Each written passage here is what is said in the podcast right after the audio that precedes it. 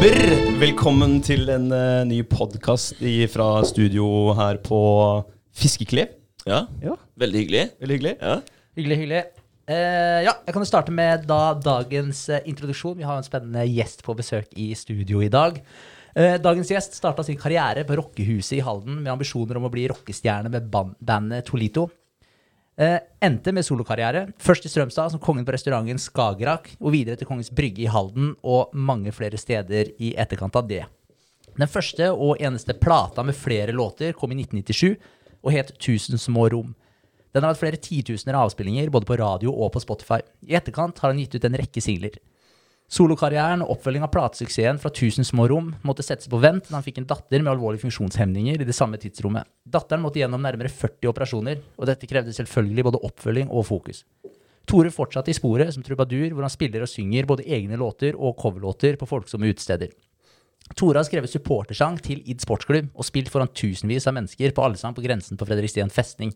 Og totalt sett er dette sett av flere hundre tusen mennesker, både live og på TV. I 2017 skadet Tore venstrehånda alvorlig idet han fikk hånda inn i sirkelsaga da han holdt på å bygge hus. Flere scener og ben røk, og følelsen og finmotorikken forsvant delvis i etterkant. Da slo Tore seg sammen med Terje Størdal og Dag Frode Hengsli Eilertsen, så musikken kunne leve videre. Mannen det er snakk om, er selvfølgelig Tore Pettersen. Nå jobber Tore som lærer på Halden Montessori-skole, som tilbyr skoleplass fra 1. til 13. trinn, med fokus på frihet og ansvar, samt selvstendig læring og mestring med mer. Vi skal ta et dypdykk i hva Montessori-skolen er i dagens episode, og samtidig skal vi bli bedre kjent med Tore Pettersen. Velkommen, Tore. Tusen takk. Jeg, jeg skjønner ikke Altså, jeg har blitt bedre kjent med Tore Pettersen etter denne introduksjonen. Du har gjort leksa di veldig, veldig godt. Ja, Det er godt Ja. å høre, Tore. Er det, er det noe du vil eh, rette på eller tilføye introduksjonen? Nei, eh, nei, egentlig ikke. Du, du har gjort veldig god research. Eh, det er jo helt riktig som du sier. Jeg eh, pleier å tenke sånn at jeg hadde jo sikkert vært, uh, vært popstjerne hvis eh, ting hadde falt annerledes. Og så er jeg veldig glad nå da, for at jeg ikke er popstjerne. Ja. Eh, fordi at det frister egentlig ikke lenger. Eh, så fordi at det, Og om jeg hadde vært popstjerne, blitt popstjerne, så hadde jeg selvfølgelig også nå sikkert vært en sånn dalende stjerne, eller en sånn fallen popstjerne som skulle gått og levd på gamle meritter. ja. Og det er jo heller ikke noe stas. Da er det jo kanskje bedre, se det nå, at jeg har bytta beite og, og har en stigende karriere et annet sted. ja, ikke sant? Og så melker jeg da den uh, musikkua uh, i høytidene hvor det går litt ekstra penger. Ja. Så det, det er en god kombinasjon, syns jeg. Syns det var et veldig kult perspektiv eh, på, på seg sjøl. Sånn modnes som, eh, som en vin. Var det litt, litt eh, sånn du tenkte? At du da blir bedre med åra istedenfor å falle på, på gamle hva du sa, meritter? Ja, og så sitte Altså, jeg tenker hvis jeg nå skulle fortsatt der ute mm, på puben, så dere Uh, Altså, det blir jo snart deres barn igjen som skal ut der og høre meg synge 'Forelska i læreren'. Det, På et eller annet tidspunkt da, så blir det litt sånn ja, Kanskje han burde ha gitt seg. Og det, det har han jo på en måte gjort.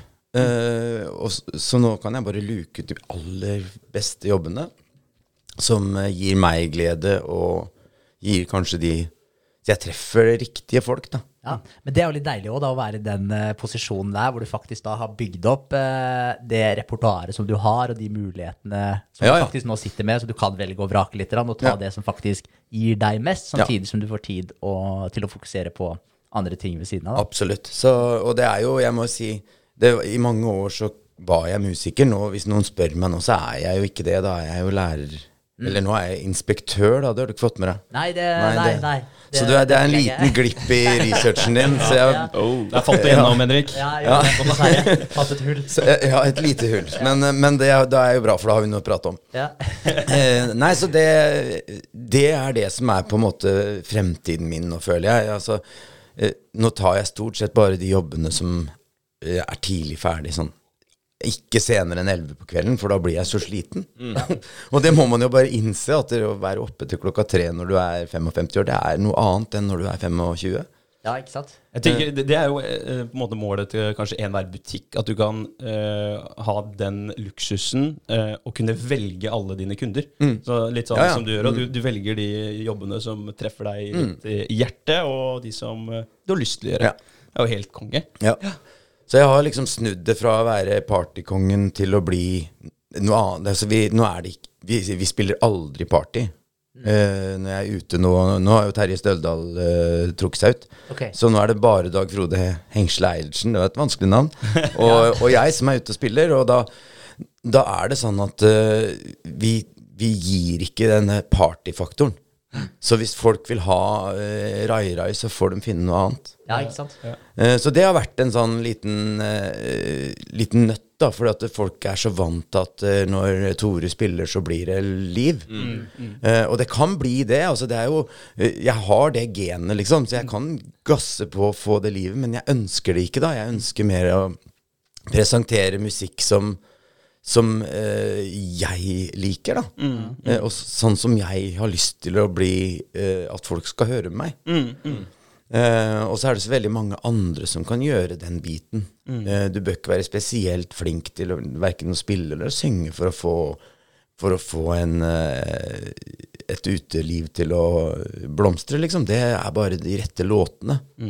Men musikksmak det, det har jo en tendens til å forandre seg med, med alderen. Jeg merker jo det med meg sjøl også. Jeg hørte masse på, på metall og punkrock og sånt nå når jeg var yngre. Jeg er fortsatt glad i sjangeren, men hører ikke like mye på det. Og hvordan er det i forhold til den musikken du ønsker å presentere? Er den også da eh, Har den hengt med, da, smaken på det du har lyst til å høre selv?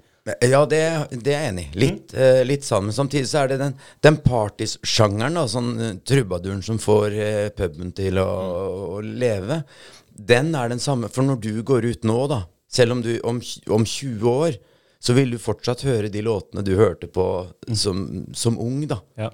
Ikke sant? Det er jo det som er greia, for du vil mimre litt når du er ute og tar deg en øl. Ja. Eh, og, og det Jeg er ikke den du skal mimre til eh, lenger. Ikke sant? For jeg vil Jeg holder det nede. Vi, det, altså han Dag Frode han spiller helt sånn utsøkt gitar, og, og da må folk få det med seg. Og hvis de ikke får med seg det, så går de glipp av hele greia. Så derfor så har vi valgt å liksom ja, eh, legge puben litt bort og heller ta noen andre arenaer, da. Ja. Åssen type arenaer er det du typisk oppsøker, da? Ja, det er litt sånn eh, Vi gjør en del firmagreier, da. Eh, og så har vi Spiller vi en del ute på sommeren. Eh, fordi at der, der er det eh, Der er det mye roligere stemning som regel. Det er tidligere på kvelden. jeg kjører Jeg har en sånn Jeg kjører jo trådløst, Altså jeg rusler litt rundt, setter meg med et bord, øh, synger litt. Altså, og får den kontakten istedenfor at øh, de skal synge med. For det må jo sies, dere synger jo fryktelig dårlig. så, så det, men det vet dere jo ikke sjøl, kanskje, klokka halv to på en lørdag. Kanskje ikke akkurat da. Da tror vel alle at de er verdensmestere i å synge. Så, så jeg, jeg kan si det nå. Jeg ville ikke si det den gangen, men, men dere synger skikkelig drit. Eh, og, ja, så nå er det sagt. Ja. Unnskyld alle sammen for at jeg har eh, bedratt dere opp gjennom alle år. Ja, ja. Sånn, Jeg tror vi har trengt det, å Ja, bli litt bedratt. tror jeg. Jeg tror, eh, jeg tror vi trenger det i livet vårt. Ja, de fleste som er ute og synger på utestedene, de vil bli bedratt. Ja, det, jeg tror det. Jeg tror Ja, det. Jeg tror du bare har gjort dem en tjeneste. Så som sagt, uh, musikken er nesten tilbakelagt. Eh, og nå er det på en måte så traust det kan bli, da. Ja. Ja, Perfekt eh, årstida å, å spille på nå, kanskje? Er det ikke litt sånn roligere når du nærmer deg jul, og det, ting skal være mye mer koselig? Og, I går var det veldig koselig, for da var det, da var det Frelsesarmeens eh, grytekonsert eh, i Tønsberg. oi, okay. ja. Eh, og vi var da headlinere der, og det er ikke verst å være headliner. Men, så der var det veldig stille og rolig. Eh, og det er jo også hyggelig å gjøre noen sånne veldedighetsting, da. Det syns jeg kan være greit. Absolutt. Absolutt. Du har, hatt, eh, du har jo hatt en rekke vendepunkter da, i livet, man får jo si det. Altså Først sånn, den store musikerdrømmen om å bli da rockestjerne.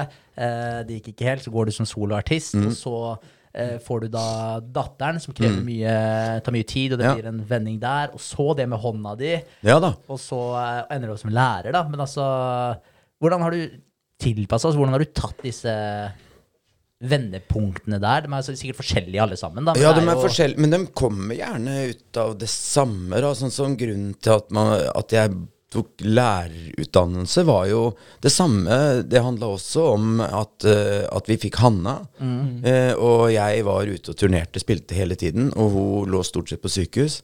Eh, og det er klart at der, er du eh, kveldens musiker, så kan du Du kan ikke ringe og si Du skjønner, jeg må jo være hjemme i dag, for Altså, det fins ikke eh, fraværsmuligheter. Det er eget dødsfall eller ikke. Og, og Så jeg fant ut at for å i hele tatt liksom sikre familien en viss form for eh, inntekt og trygghet, så måtte jeg gjøre noe. Og så eh, Jeg diskuterte med Ina, kona mi, da skal vi liksom Ja, jeg må jo ta en utdannelse. Og så Hun var jo lærer. Og så sier jeg jeg kan ikke på noe som helst tidspunkt ha mindre ferier enn det du har. Jeg kan ikke gå på jobb hvis du skal være hjemme og ferie. ferie. Så da må det bli lærerskolen. Og klok som hun er, da, så sier hun ja. Særlig at du klarer å stå i noe som strukturert som en fireårig utdannelse på høyskolen. Og det er klart Så dum som jeg er, da, så «Eh, Det er klart jeg gjør! Og det, så hun visste jo det. At skulle jeg klare det, så måtte hun utfordre meg uten at jeg liksom skjønte det. Og jeg er jo bare en mann, så jeg skjønte jo ikke hva hun drev med. Men da ble det fire år eh, på leirskolen. Og så da Jeg hadde jo ikke videregående engang. Så jeg kom inn den gangen på det som er sånn uh, realkompetanse. Jeg tror ikke de gjør det lenger engang nå. Litt sånn arbeidserfaring, eller? Ja, så at jeg, for jeg kom inn på musikklinja, eller musikkstudiet på høyskolen. Og så tok jeg da et uh, årsstudium med musikk, og fikk uh, aksess til lærerskolen etterpå, da, Oi, gjennom ja. det. Så, så sånn var det. Eh, min utdannelse Jeg har jo ikke altså, Jeg har vært på rockehuset, jeg, som du sa. Ja. Ja. Uh, og, og så havna jeg i en lærerjobb i fylket som handla bare om unger i barnevernet. Eh, og var der i mange år. Fikk en sønn til som heter Simon, eh, som eh, Ja, han var vel en Altså, han var ekstremt eh, langt framme når han var liten. Lærte seg å lese når han var tre år. Gikk på id skole og fikk ingen utfordringer. Det er en sånn vanlig, klassisk eh, skolehistorie. Eh, og vi måtte bare gjøre et eller annet, og da ble, sendte vi han til Montessori-skolen, tredje klasse.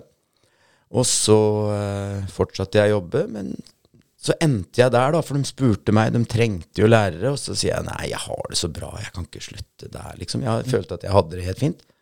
Og så masa dem og masa dem, og så tok jeg permisjon et år fra fylket og havna i Halden Montessori-skole.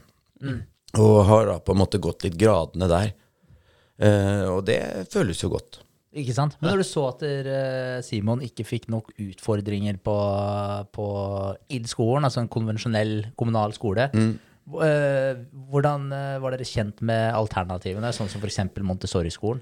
Vi- Vi var egentlig ikke kjent med dem. Det, var, det er veldig Altså, Halden har jo ikke noen privatskoler i den forstand. Det har vært prøvd noen kristne alternativer og, og litt sånn, men det eh, var ikke noe for oss, da. Så da øh, Og Montessori-skolen starta vel opp i 2015, så den hadde jo bare drevet et par år, den når Simon eh, havna der. Eh, Så, så da Det var Ina som hadde hørt om dette her. Så var vi på besøk, og så mm, gikk det bare slag i slag.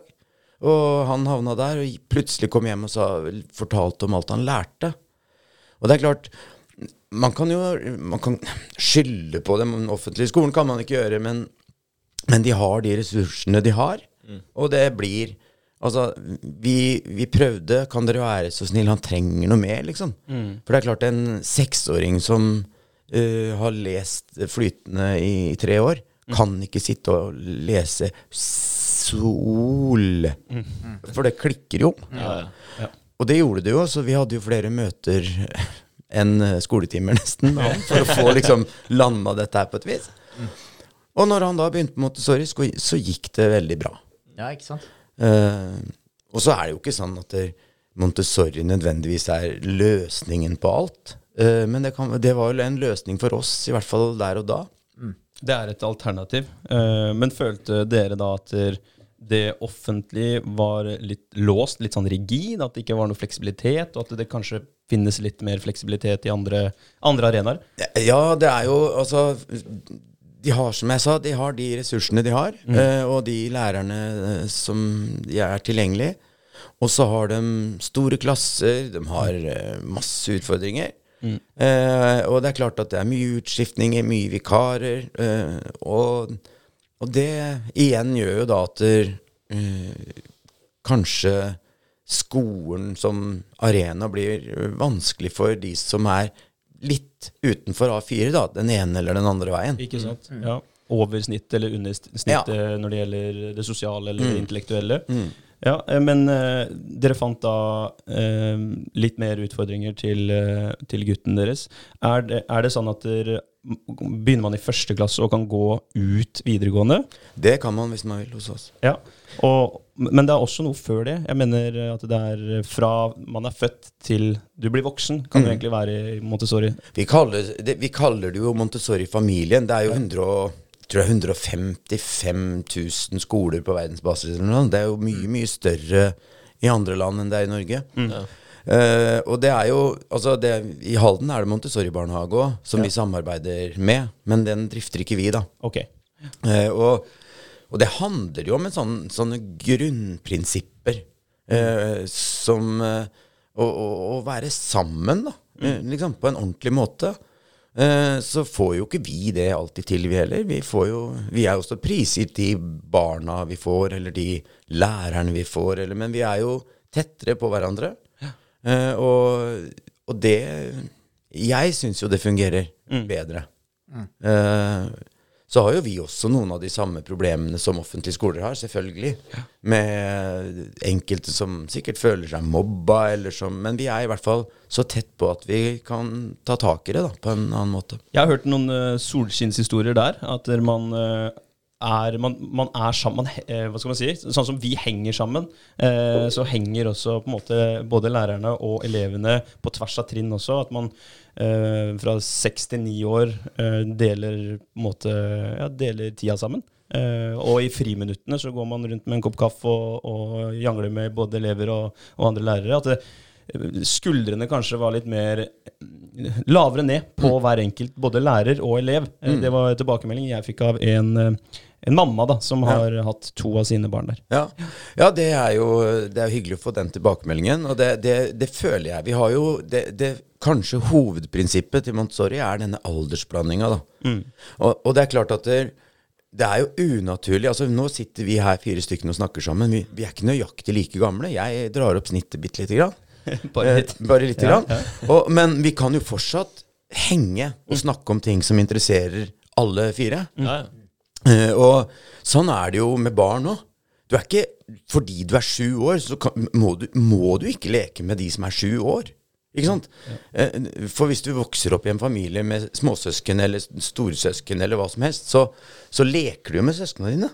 Du har det jo fint sammen. Du drar på ferie sammen. Så det aldersblandinga syns jeg er kanskje det viktigste prinsippet i Montessori-skolen. Ja, for det er, jo, det er jo som du sier der, altså det er jo en veldig naturlig ting at Mm. man uh, menger seg med folk som er litt eldre og kanskje litt yngre, og at ikke det er Ja. helt rigid, at det er akkurat samme alderstrinnet man skal Ja, og, omgås. og det er jo den, den herre fabrikkfølelsen du har i offentlig skole, da. Ikke sant? Og det skjønner jeg, for det skal passe inn. Det skal passe inn i året du sk- Altså, skoleåret er sånn, og dem begynner her, dem skal dit. Ikke sant? Det er sånn rullebåndsprinsipp. Og jeg skjønner at det må være sånn, men eh, det er ikke det beste nødvendigvis for barna eller lærerne. Da. Nei. Du, du har jo, altså Det som er en sånn litt interessant observasjon, er jo altså når to personer går ved siden av hverandre, så er det alltid en av de som må føye seg etter den andre i forhold til tempo. Og det blir jo litt sånn på de eh, konvensjonelle skolene også. Mm. Så er det jo Hvis du har noen elever som er lenger framme, så må de gå saktere for å faktisk holde tempo til de som er Det, de blir naturlig holdt Ja, tilbake. selvfølgelig. Uh, og og det, er jo, det er jo veldig synd, for da, da tilpasser man jo på en måte progresjonen til kanskje ikke helt de svakeste, men ganske nærme da, de, de svakeste, for å på en måte prøve å dra med seg hele lasset. Eh, hva er det dere i Montessori-skolen gjør for å bøte på det her, annet enn det med å f.eks. blande alderstrinn? da, For det regner jeg jo med er kanskje en stor del av akkurat å bøte med det der. Ja, det er én ting, da. For Ja. det er klart at eh, hvis du da er eh, førsteklassing og er veldig flink i engelsk, så kan du jo godt da sitte med han i tredje og, gjøre engelsk. Eh, På det nivået du faktisk er. Eh, og motsatt, da. Hvis du er tredjeklassing og er veldig svak, da, så kan du jo sette deg sammen med han i første som heller ikke kan engelsk. Uh, og allikevel samarbeide og allikevel liksom få noe ut av det.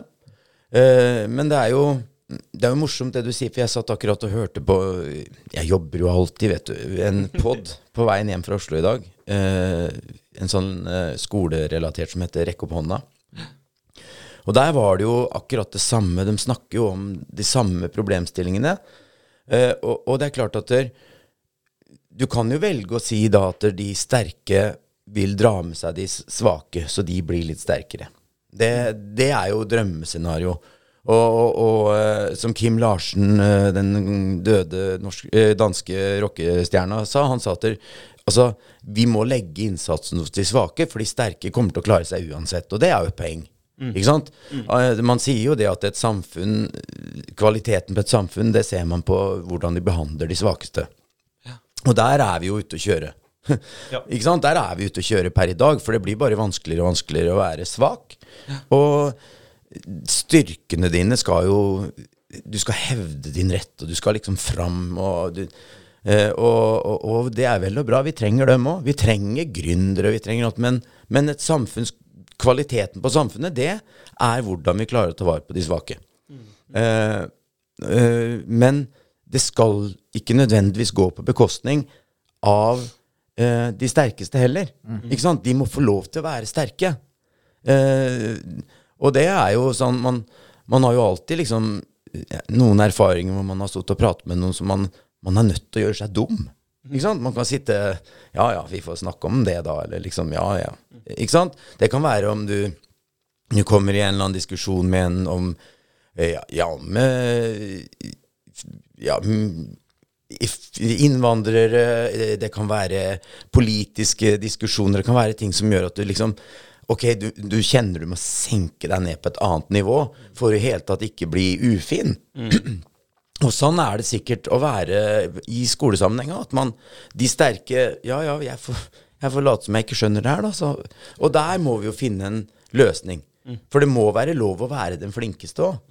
Absolutt. Men hva er det dere gjør da, sånn helt konkret for å fremme de, eller i hvert fall ikke hindre de sterkeste, mest fremgangsrike elevene? Nei, altså vi har jo den nye læreplanen eh, som kom nå for offentlig skole, som heter Fagfornyelsen, den er jo uh, veldig, veldig lik Montessori sin egen læreplan. Hvor det handler om dette med dybdelæring og interesser. Du skal få lov til å forske. Du skal, ikke sant? Eh, Det er ikke så bindt opp i alle disse kompetansemåla. Uh, og, og det er klart at det, hvis du finner noe du liker, og sitter her og, og jobber med, så er det ikke sånn hos oss Da kan du bare fortsette med det, da. Eh, Det er ikke noe klokke som ringer ut. Ok, ja. Så du, øh, og spesielt, ja, det gjelder jo det jo lenger opp i klassene du kommer, da. Jo større ansvar får du for din egen læring og for din egen dag. Og da, hvis du har lyst til å fortsette, hvis du plutselig skjønte brøk, og har lyst til å regne brøk mer for at du er inni det, ja, så gjør det, da. Og så, så er det ikke noen som sier nei, nå har det ringt ut, nå, nå er det, nå er det naturfag. Sånn fungerer det ikke. Altså, vi har et eh, De setter opp sin egen ukeplan uh, i starten av uka. Får oppgaver det, det er det dere skal kunne, og det er det dere skal lære i løpet av denne uka. Uh, og så får de lov til å disponere sjøl, da. Og, og det er sånn Altså Hvis de har lyst til å gå ut og spille litt basket, ja, så kan de si Kan vi ta 20 minutter nå, for jeg er litt sliten i huet? Ja, det kan du. Og så er det jo sånn at der, noen klarer det, og det er gjerne de sterkeste.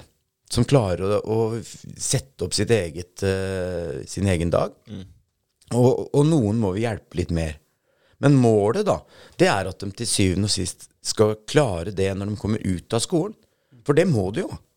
Det er jo ingen Hvis du har fått en jobb, så må du jo Du forventes at det, Ok, den rapporten skal jeg ha innen da, liksom. Du kan ikke ringe da og si Nei, jeg, jeg rakk ikke, for jeg spilte basket. ikke sant? Så, så, men det er jo ingen som nekter oss å spille basket. Hvis vi får gjort det vi skal på en ålreit måte. Og det er, det er dit vi håper å komme, da. Og så lykkes vi noen ganger, og ikke alltid, selvfølgelig. Ikke sant? Men jeg, jeg må jo si at jeg liker jo den uh, tankegangen der veldig. Det, at, uh, det å få da eh, barna til å planlegge uka si. Altså bare der eh, Det er jo et stort steg fram, spør du meg. Eh, jeg lærte meg ikke det før eh, kanskje for tre år siden. og, og da var det sånn at jeg hadde jo visse faste aktiviteter som jeg gjorde. Altså det var liksom skole fra det til det tidspunktet. Du hadde middagen. Eh, Hadde faste treninger i løpet av uka. Mens alle romma imellom der, der var det egentlig bare å benke seg foran TV-en, sitte og game eller gjøre bare et eller annet som falt deg inn der og da. Det var aldri snakk om å strukturere hverdagen sin på en eh, sånn måte. Nei. Så, ja, så jeg tenker bare det å lære det er jo et utrolig eh, godt verktøy man kan ha med seg videre. Ja, i, i, i hvert fall de gangene vi klarer å få det til på en ordentlig måte. Og det, vi, det lykkes eh, ofte. eh, og vi er såpass tett på, som sagt, at vi klarer å, og veilede andre, da. Til eh, de som ikke klarer det, så får vi jo hjelpe dem. Sette opp Hadde det ikke vært lurt, du som sliter med matte, hadde det ikke vært lurt å ta matten da når mattelæreren faktisk er der, liksom. Så kan du heller ta basketen når eh, mattelæreren er et annet sted. Og det er klart, og det er det jo. Ikke sant? Eh, For hvis noen kommer til meg som er, er norsklærer og skal ha matte Jeg kan ikke matte. Jeg, jeg kan ikke hjelpe noen med matte. Så, men de må gjerne drive med matte i min time, hvis det er det de har lyst til. Hvis de da er trygge på det som vi skal gjøre i norsk. Ikke sant? For da, det spiller ingen rolle, bare det blir gjort. Eh, og, og hovedgreia til enhver lærer er jo at man skal lage gode folk, liksom. Det, det handler rett og slett om at dere skal Det sa de også på den poden i dag. Det er sånn 13 Altså, i, eller hvis en sier u, uten videregående, da, så er det ti år som vi skal være på skolen. Eh, det viktigste er jo at man har det bra, da.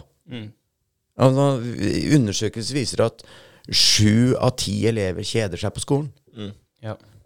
Eh, og nå er det ikke sånn at alt skal være gøy heller, men sju av ti som kjeder seg på skolen, og én av fire gruer seg til å gå på skolen, da er det jo et eller annet som ikke stemmer. Og det tror jeg er fagfordeling, blant annet. Altså, Norskfaget har jo blitt et sånn helt enormt fag.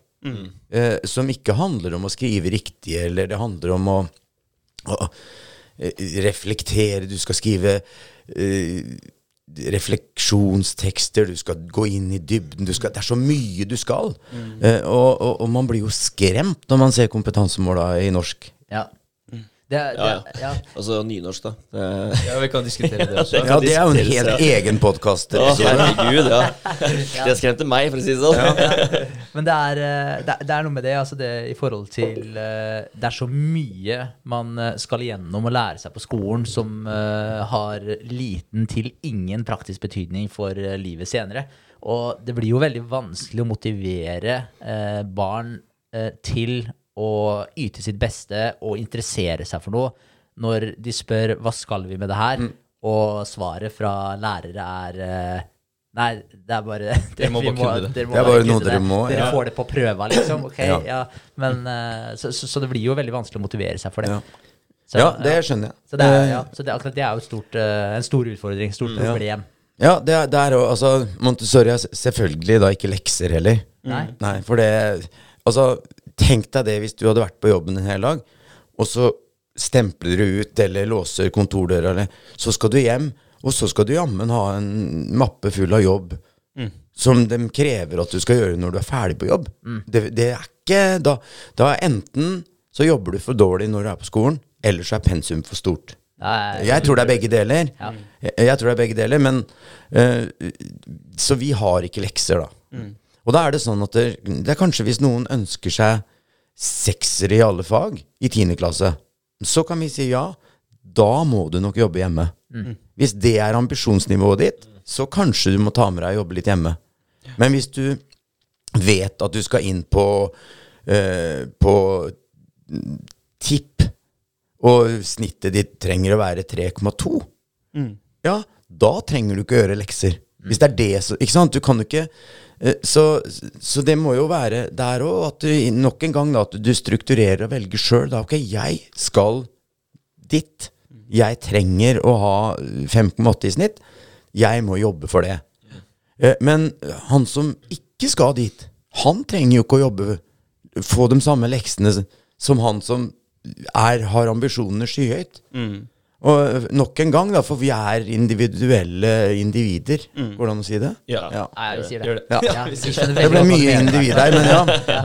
Uh, og, og det er jo Så derfor så tenker jeg også at man må uh, få lov til å ganske, For man vet jo det ganske tidlig, man vet på ungdomsskolen, at man ikke har tenkt til å, å studere medisin.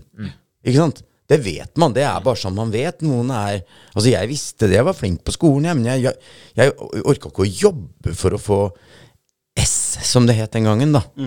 Særdeles. Så for meg var det nok med en meget. Ja. Ikke sant? Uh, for jeg skulle jo ikke dit, jeg.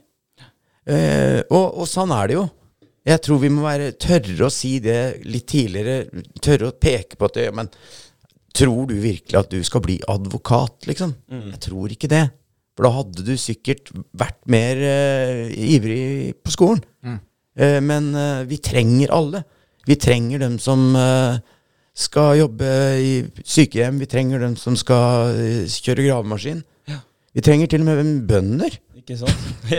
her i landet.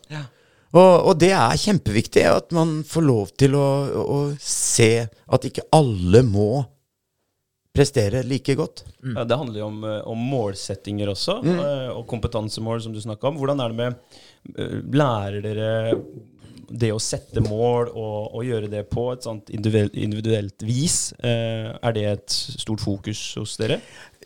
Ja, vi, det, det skal jo Vi er jo lovpålagt òg. At elevene skal vite hva de lærer og hvorfor. Mm. Men da tenker jeg også at det er, det er lovpålagt at vi lærer dem å sette oppnåelige mål, da. Ikke sant? Eh, Så hvis det kommer noen til oss det, For det, vi har elever fra, i, altså fra det nederste nivå til det øverste nivå. Vi er en helt vanlig skole. Uh, Og det er klart at vi kan ikke For det er også feil altså, i Norge i dag. Så, ja, men du kan bli hva du vil, du, jenta mi. Nei, det kan du ikke, liksom. Uh, det handler om hva, hvilke evner du har, hvilken arbeidsinnsats du kan tenkes å legge ned. Men i hvert fall ikke nå. Sånn som du er nå, så kan ikke du bli hva du vil. Kanskje om noen år, kanskje du kan eh, modnes, kanskje du kan Men akkurat nå så syns jeg kanskje du skal konsentrere deg om det. Tror jeg er viktig. Det, og det er en av tingene som jeg også syns var veldig, veldig mm, iøynefallende med Montessori og den måten man driver skole på. At det, det er sånn dyrking av person og personens interesser. At du finner ut at ok, men uh, vitenskap uh, eh, eller, eller norsk, da, det er noe jeg virkelig brenner for. Da får du lov til å, å velge det og kanskje ikke jobbe for mye med da nynorsk, som du snakka om, som vi ikke har bruk for uh, Nei, nei. i det hele tatt på et senere tidspunkt. Ja.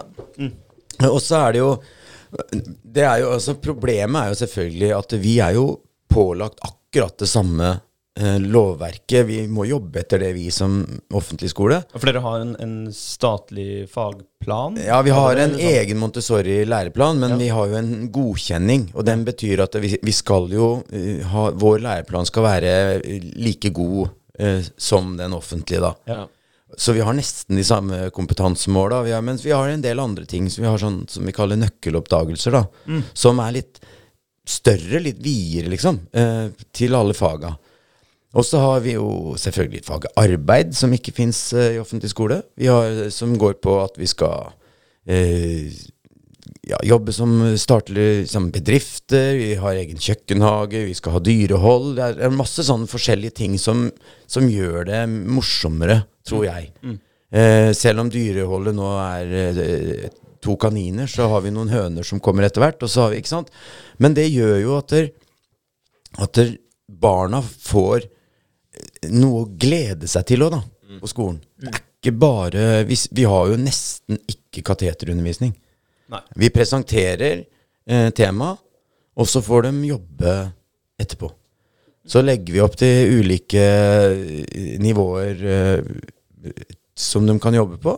Uh, Ut ifra hvor eh, langt framme de er, eller hvor interessert de er. Og så eh, presenterer lærerne det for dem, og så får de jobbe med det på egen hånd etterpå. Og så går vi og veileder, eller går og følger med. Kult. Det, de, eh, det som er eh, bra holdt jeg på å si, også med det i forhold til om du skal være med og pleie en grønnsakshage, eller om det er noen små dyr du skal passe på osv. Altså, det er jo en bevisstgjøring også på en helt naturlig del av livet. Det er jo unger som vokser opp i byer i dag som tror at kjøttdeigen kommer fra butikken. Og jeg tenker at da, da er det jo noe som eh, virkelig er feil. Ja, ja. Så jeg tenker bare det, selv om, selv om som du sier, det er jo ikke, Men det er ikke en slags bondegård, men eh, Hvor mener du kjøttet kommer fra? Ja, ikke sant? Det kommer jo fra butikken, fabrikken.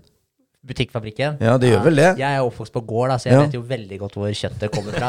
Men, uh, Nei, jeg skjønner, Nå skjønner ikke jeg hva han snakker om. Hvor kommer kjøttet fra egentlig, gutta? Jeg, men jeg tror den bevisstgjøringa der er ekstremt viktig. ja. for, ja, nei, jeg er helt enig. Ja. Jeg er helt enig, for at det, og, og det er så små Ja, jeg tar litt kaffe, vet du.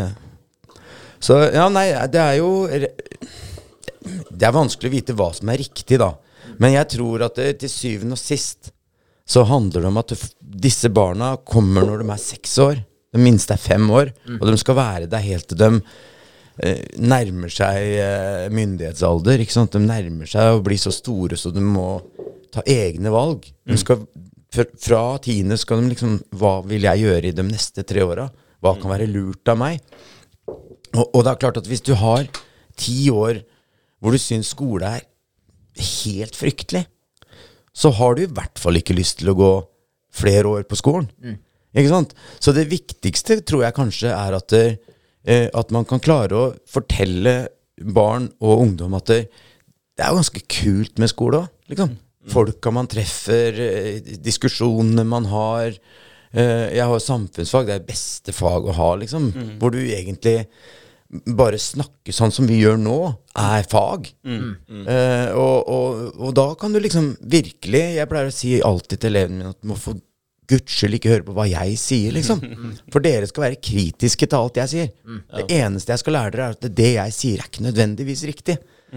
Og, og, og fordi at det, hvis vi klarer å så det at det er ålreit å gå på skole, da kanskje man får lyst til å utdanne seg videre. Altså Ikke bare det, da. Jeg, er jo enig med, med deg da, i at man skal eh, ha en opplevelse av skolegangen som gjør at man får lyst til å gå mer skole.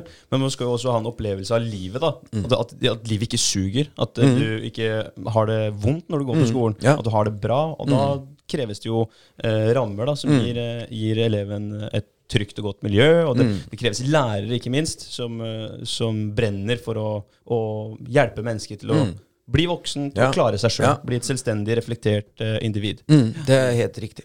Men jeg føler at uh, det å bestemme seg for hva man vil såpass tidlig i livet, det, jeg mener at det er for tidlig. ass. Altså Ut fra min opplevelse, da, hva jeg valgte å studere, eller gå, da. Jeg studerte ikke, jeg tok elektro. Men i dag, hvis jeg skulle kunne valgt på nytt, så hadde jeg gått noe helt annet. Ja, Det hadde jeg gjort. Så jeg bare mener at det, å ta det store valget, da, for det er et stort valg, det er et stort valg. ja, så tidlig i livet, det er eh, Jeg tror veldig mange treffer feil. Mm. Ja, det tror jeg. Ja. Men, da, men det kan jo hende også, altså, for, for jeg er jo i utgangspunktet enig, enig med deg, Vegard. Eh, men eh, så tenker jeg også at på et eller annet tidspunkt så må man jo bestemme seg. Ellers ender man jo opp med å være 30 år gamle barn da, som ikke har klart å bestemme seg for hva de vil i livet. Det er. Så, så det er jo balansegang. Men jeg tenker jo også kanskje det med å få de riktige verktøya for å kunne ta det valget. For jeg tenkte jo Jeg følte jo sjøl at jeg eh, levde litt i en sånn eh, Hva skal jeg si? Levde litt i min egen lille boble når det kom til det der, og, og tok ikke ordentlig stilling til hva jeg ville. Jeg hadde et sånn løst forhold til det, men ikke et sånt ordentlig bevisst forhold til at jeg hadde det framme i panna. Så det var veldig tilfeldig den karrierestien som jeg valgte også.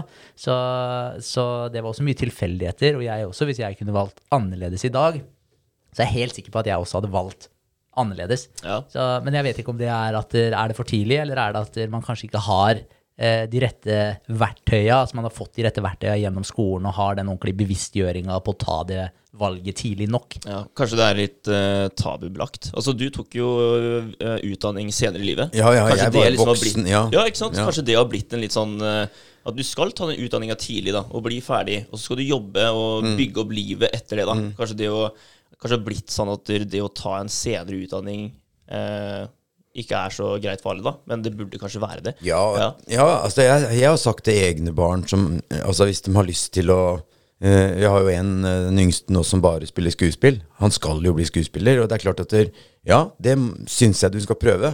Men For det er aldri for sent å ta en utdannelse. Men det er klart, hvis man sitter sånn som nå, hvis jeg hadde sittet som inspektør på Montessori-skolen, og så tenker ikke jeg da nå at nei, nei søren, kanskje jeg skulle bli musiker? Det, du går ikke den veien. Ikke? Du må være ung og dum for å tenke at ok, vet du hva, jeg skal erobre verden. Jeg skal bli størst. Altså når jeg var tolv år, så skulle jeg bli større enn Elvis. Og jeg er nesten det her på idesida. Ja. Men, men, men det stopper der. Men, men ikke sant? Så, så, så det, da kan jeg bare skylde på livets uh, alle hendelser som har gjort at det, det var bare tilfeldig. Hadde jeg bare fått lov til å fortsette, så hadde jeg blitt større enn Elvis på andre steder enn id. Eh, men, så derfor så er det viktig, tror jeg, å, å følge den lille drømmen, da. For alle har en drøm om noe annet enn å bare gå på jobben fra åtte til fire. Helt klart. Eh, og så, så, så vet man ikke det, som du sier, når man er 15 år, at det er det beste livet. Ikke sant? Det er ikke, man vet ikke at det er det man ønsker seg, uh, før man er like gammel som meg. Nå kunne jeg ikke tenkt meg noe annet enn å få lov til å bare stå opp om morgenen, gå på jobben, eh, gjøre livet ålreit for noen, eh, gjøre det piss for noen andre, liksom, og så dra hjem. M- Men uh, man må få lov til å prøve den her eh, litt gærne veien òg. Men jeg, jeg tenker den her i, i den lysten til å lære, og få fram den gnisten der i folk. Fordi det merker jeg med meg sjøl òg. Altså, jeg har alltid hatt eh, hva skal jeg kalle det, flaks. Altså, jeg, Skole har alltid gått eh, lett for meg. Ikke fordi jeg har vært sånn superinteressert, men eh, jeg har heldigvis da hatt flaks og blitt født med de evnene at det Ja, har gått veldig lett for meg. Og, og da har jeg sluppet å gitt en så lagt inn den vanvittig store innsatsen. Men det har ikke vært Jeg har ikke gleda meg til å lære mer på skolen, for jeg har ikke hatt den sulten på å lære ting på skolen. Men jeg har en virkelig en sult for å lære meg ting nå. Og nå, nå ser jeg på det med å bare lære deg nye ting som noe av det viktigste vi gjør her. da, Ja. Å ha den sulten på å lære. Og den føler jo jeg at der, eh, skolen ikke la til rette for i det hele tatt når, eh, når jeg gikk på, på skolen. Og da snakker jeg fra barneskolen og egentlig hele veien Ja. jeg var ferdig på, eh, på videregående. Ja, og det, det er selvfølgelig Det skyldes jo også eh, at eh, lærere og skole og ledelse og alt dette her Vi har et løp som skal følges. Ikke sant? Det står ikke at det, eh, For i, i gamle dager så sto det jo eh, ganske enkelt at liksom I gamle læreplaner så sto det at eleven bør kunne. Eleven bør ha lært, ikke sant? Det står ikke lenger. Det står eleven skal kunne. Ikke sant? Og da må vi jo, da. Vi har pålagt uh, Vegard, du skal kunne. Ja. Ikke sant? Det, du slipper ikke unna. Eh, så du skal kunne nynorsk. Du skal kunne bøyningsregler for uh, svake verb. Uh, og, og det er klart at det, jeg kan ikke fortelle deg noe annet enn at der, Altså, hvorfor skal du kunne det? Jeg, jeg må si det som det er, da. Det står der. Ikke Ja, det er noe med det. Og det er det samme som det er eh, 40 soner forbi en barneskole, liksom. Du må få, ja, det er 40, for det, det er forklarlig. Det er barn her som ikke Men, men hvis det plutselig hadde stått 40 soner på Iddersletta mm. uh, uten noen grunn, så hadde man jo lurt Hvorfor i all verden kan jeg ikke kjøre 80? Hvorfor er det 40 her i en halv kilometer, liksom? Bare fordi. Bare fordi. Ikke sant? Det, og da er det vanskelig å få folk til å kjøre i 40. Helt riktig. Og sånn er det jo med skole òg. Så det argumentet Nei, men det, kan ikke du slutte å krangle med det? Kan ikke du bare gjøre ligningene nå, liksom? Ja. Så det, det er jo Det legger ikke grunnlaget for uh, morsom læring. Nei, nei, det er akkurat det det ikke gjør. Det dreper jo det lille som kanskje er av kreativitet også. Og du står der, uh, eller du sitter der, du skal sitte rolig, du skal ikke bråke, du skal gjøre som du får beskjed om, ellers så får du kjeft og kanskje en anmerkning. Fikk du mye kjeft? Nei, vet du hva, jeg var faktisk ekstremt pliktoppfyllende. Ja, det vil jeg tro. Så, Ja. Så jeg fikk ikke så mye kjeft. Det var innimellom at vi gjorde ting eh, Frontallappen ikke var helt utvikla. Så jeg Ja. har jo vært eh, innom noen eh, Hva skal jeg si litt Jeg har vært innom rektors kontor et par ganger, men, Ja. men det var ikke noe På, gjenganger på Idevang på Idevag hos Ja. Roger. Det var kort Det. Det var, ja, det var ikke så skummelt. Nei, det var ikke så gærent. Det var eh, tanken på Ja. å komme på Rogers kontor var veldig Ja. skummelt. Men når Ja. du kom dit, så satt den for det meste egentlig og snakka om den trealligatoren Ja, sin. på- Fortalte om Afrika. Ja, Ja, så, det er så det gikk veldig bra. Ja, det er nydelig. Men jeg føler det er litt viktig. Da, man, må, man må finne ut hva er straffen. Ja. Hva, hva, hva Ja, ja. er det som faktisk ligger og venter på deg der da, hvis du gjør noe Ja, gærent? ja. Det, det er veldig viktig. Det å tøye grenser, er ikke det en del av det å vokse opp? At man eh, lærer litt sjøl? Absolutt. Og, og jeg tror man, eh, man får den straffa når man tøyer grensen. Til slutt så, så smeller det tilbake på deg, liksom. Ja. Eh, det hjelper jo ikke at læreren kjefter. Du må jo ha en annen ting, da. Så, så jeg tror man må få, foreldre på banen og sånn, da, hvis det er helt Ja. Hvis det er mye, liksom. Men som regel så går det jo veldig bra. Og jeg skjønner at eh, gutter på 12-13 år har lyst til å gjøre noe sprell. Ja. Jeg, jeg syns jo ja, man skal få lov til å liksom klatre i, i trær og klatre i lekestativ. Og det, det er veldig mye mange steder nå som til og med det er forbudt, har jeg hørt. Eh, rundt omkring i, i hvert fall staten. Jeg vet ikke om det er det i, i Norge. Men at man eh, Eller barn da, ikke får lov til å gjøre Ja. det innenfor et visst klokkeslett, f.eks. Men det er klart, det. Hvis jeg sier at det er greit, klatre i det treet, dere, ja. og en slår seg i hjel, da Det er så- kjipt. Ikke sant? Det er det jo meg. Det er jeg som får det pepperet, liksom. Ja. Og da kan du Jeg kan ikke si det er helt i orden at du klatrer hvis ikke du ramler ned. ikke sant? Og, og, og de gjør som regel ikke det. De slår seg som regel ikke. Men, men det handler jo Mye handler om å ha ryggen fri. Ja. Eh, og det er trist, da. Ja. Eh, for at der, jeg ville jo ikke latt dem klatre der hvis jeg trodde de skulle slå seg. Nei. Jeg tenker jo at det er bra for utviklingen. For de klatrer jo når ingen ser dem. Ikke sant? Ja, ja. Ikke sant? Det er bare når hvis jeg er der og ser dem, så skal de ikke få lov. Så det er egentlig Hvis jeg går inn og henter meg en kaffe, da klatrer de jo. Eh, så, så det er noe med det hjemme, når mamma og pappa ikke ser, da klatrer man. Ja, da, da Ikke sant? Åpne barskap og sånn. da. Ja, ja. ja. Eh, da er det jo opp til foreldrene å ha, ikke ha barskap, tenker jeg. Men eh, Nei men også, så, så det er jo Det er jo bare det Det handler jo bare om seg sjøl. At jeg må, må ha ryggdekning. Jeg må kunne si at dette Jeg hadde kontroll. Men har det alltid vært sånn? Har, det alltid vært det som har vært hoved... Eller ikke hovedfokus, men et stort fokus? At man skal ikke bli uh, søksagt, saksøkt av eh, Ja, ja jeg Diverse. tror Nei, ja, men det har blitt mye, mye, mye verre. Ja. Ja. Uh, og vi har, skolen har gått fra å være uh, en som barna skal gå på og lære, til at vi, de har blitt en, en servicebedrift. da. Hva har mitt barn krav på? Hva har du gjort for mitt barn? Hvorfor har mitt barn Hvorfor kommer mitt barn hjem uten lue fra skolen? Uh, nei, han har vel mista den, da. ja. ja, nei, han sier ikke det sjøl. Han sier at han har tatt den lua. Hva vet dere om det? Eh, nei, alle har lue. Jeg, vi husker ikke hvilken lue alle men, men vi skal lete etter den, liksom. Altså, Ja. vi er der, da. Hos mange. Eh, og ja, det er bra på en måte, og helt forferdelig på en annen måte. Ja, jeg syns det er veldig synd at, der, eh, at vi har eh, kommet dit eh, i forhold til det, det er jo tilbake til det her med ansvar. Eh, altså, man blir eh, Altså, man, eh, man skal hele tiden fokusere da, på det man har rett til, og alle rettighetene man har, i stedet for, for å fokusere på det ansvaret man faktisk innehar. Og jeg, og jeg føler det er akkurat det du snakker om det er. da. Og det er mangel på å ta ansvar i dag. Mm, ja. Ta ansvar for egne barn, og ta ansvar for egen oppdragelse av barn. Altså, Du sender jo ikke på skolen din for at skolen skal oppdra barna dine. Det er jo, Nei, det jo ikke, du skal jo oppdra barna dine, og så skal du selvfølgelig få en bistand av, Ja, ja. eh, av skolen. De skal i hvert fall ikke gjøre barna dine verre, men de skal jo bidra til igjen da, til Ja. lysten på å lære. Og jeg likte veldig godt det du sa i stad, med å eh, hjelpe eh, og hva skal jeg si, skape gode folk. Det, Mm. Ja, det likte jeg veldig godt. Ja, for det er jo hovedgreia vår. Vi skal, vi skal skape medborgere som bidrar på en god måte i et samfunn. Eh, og for at det skal skje, da, så må man også klare å legge vekk sine egne interesser.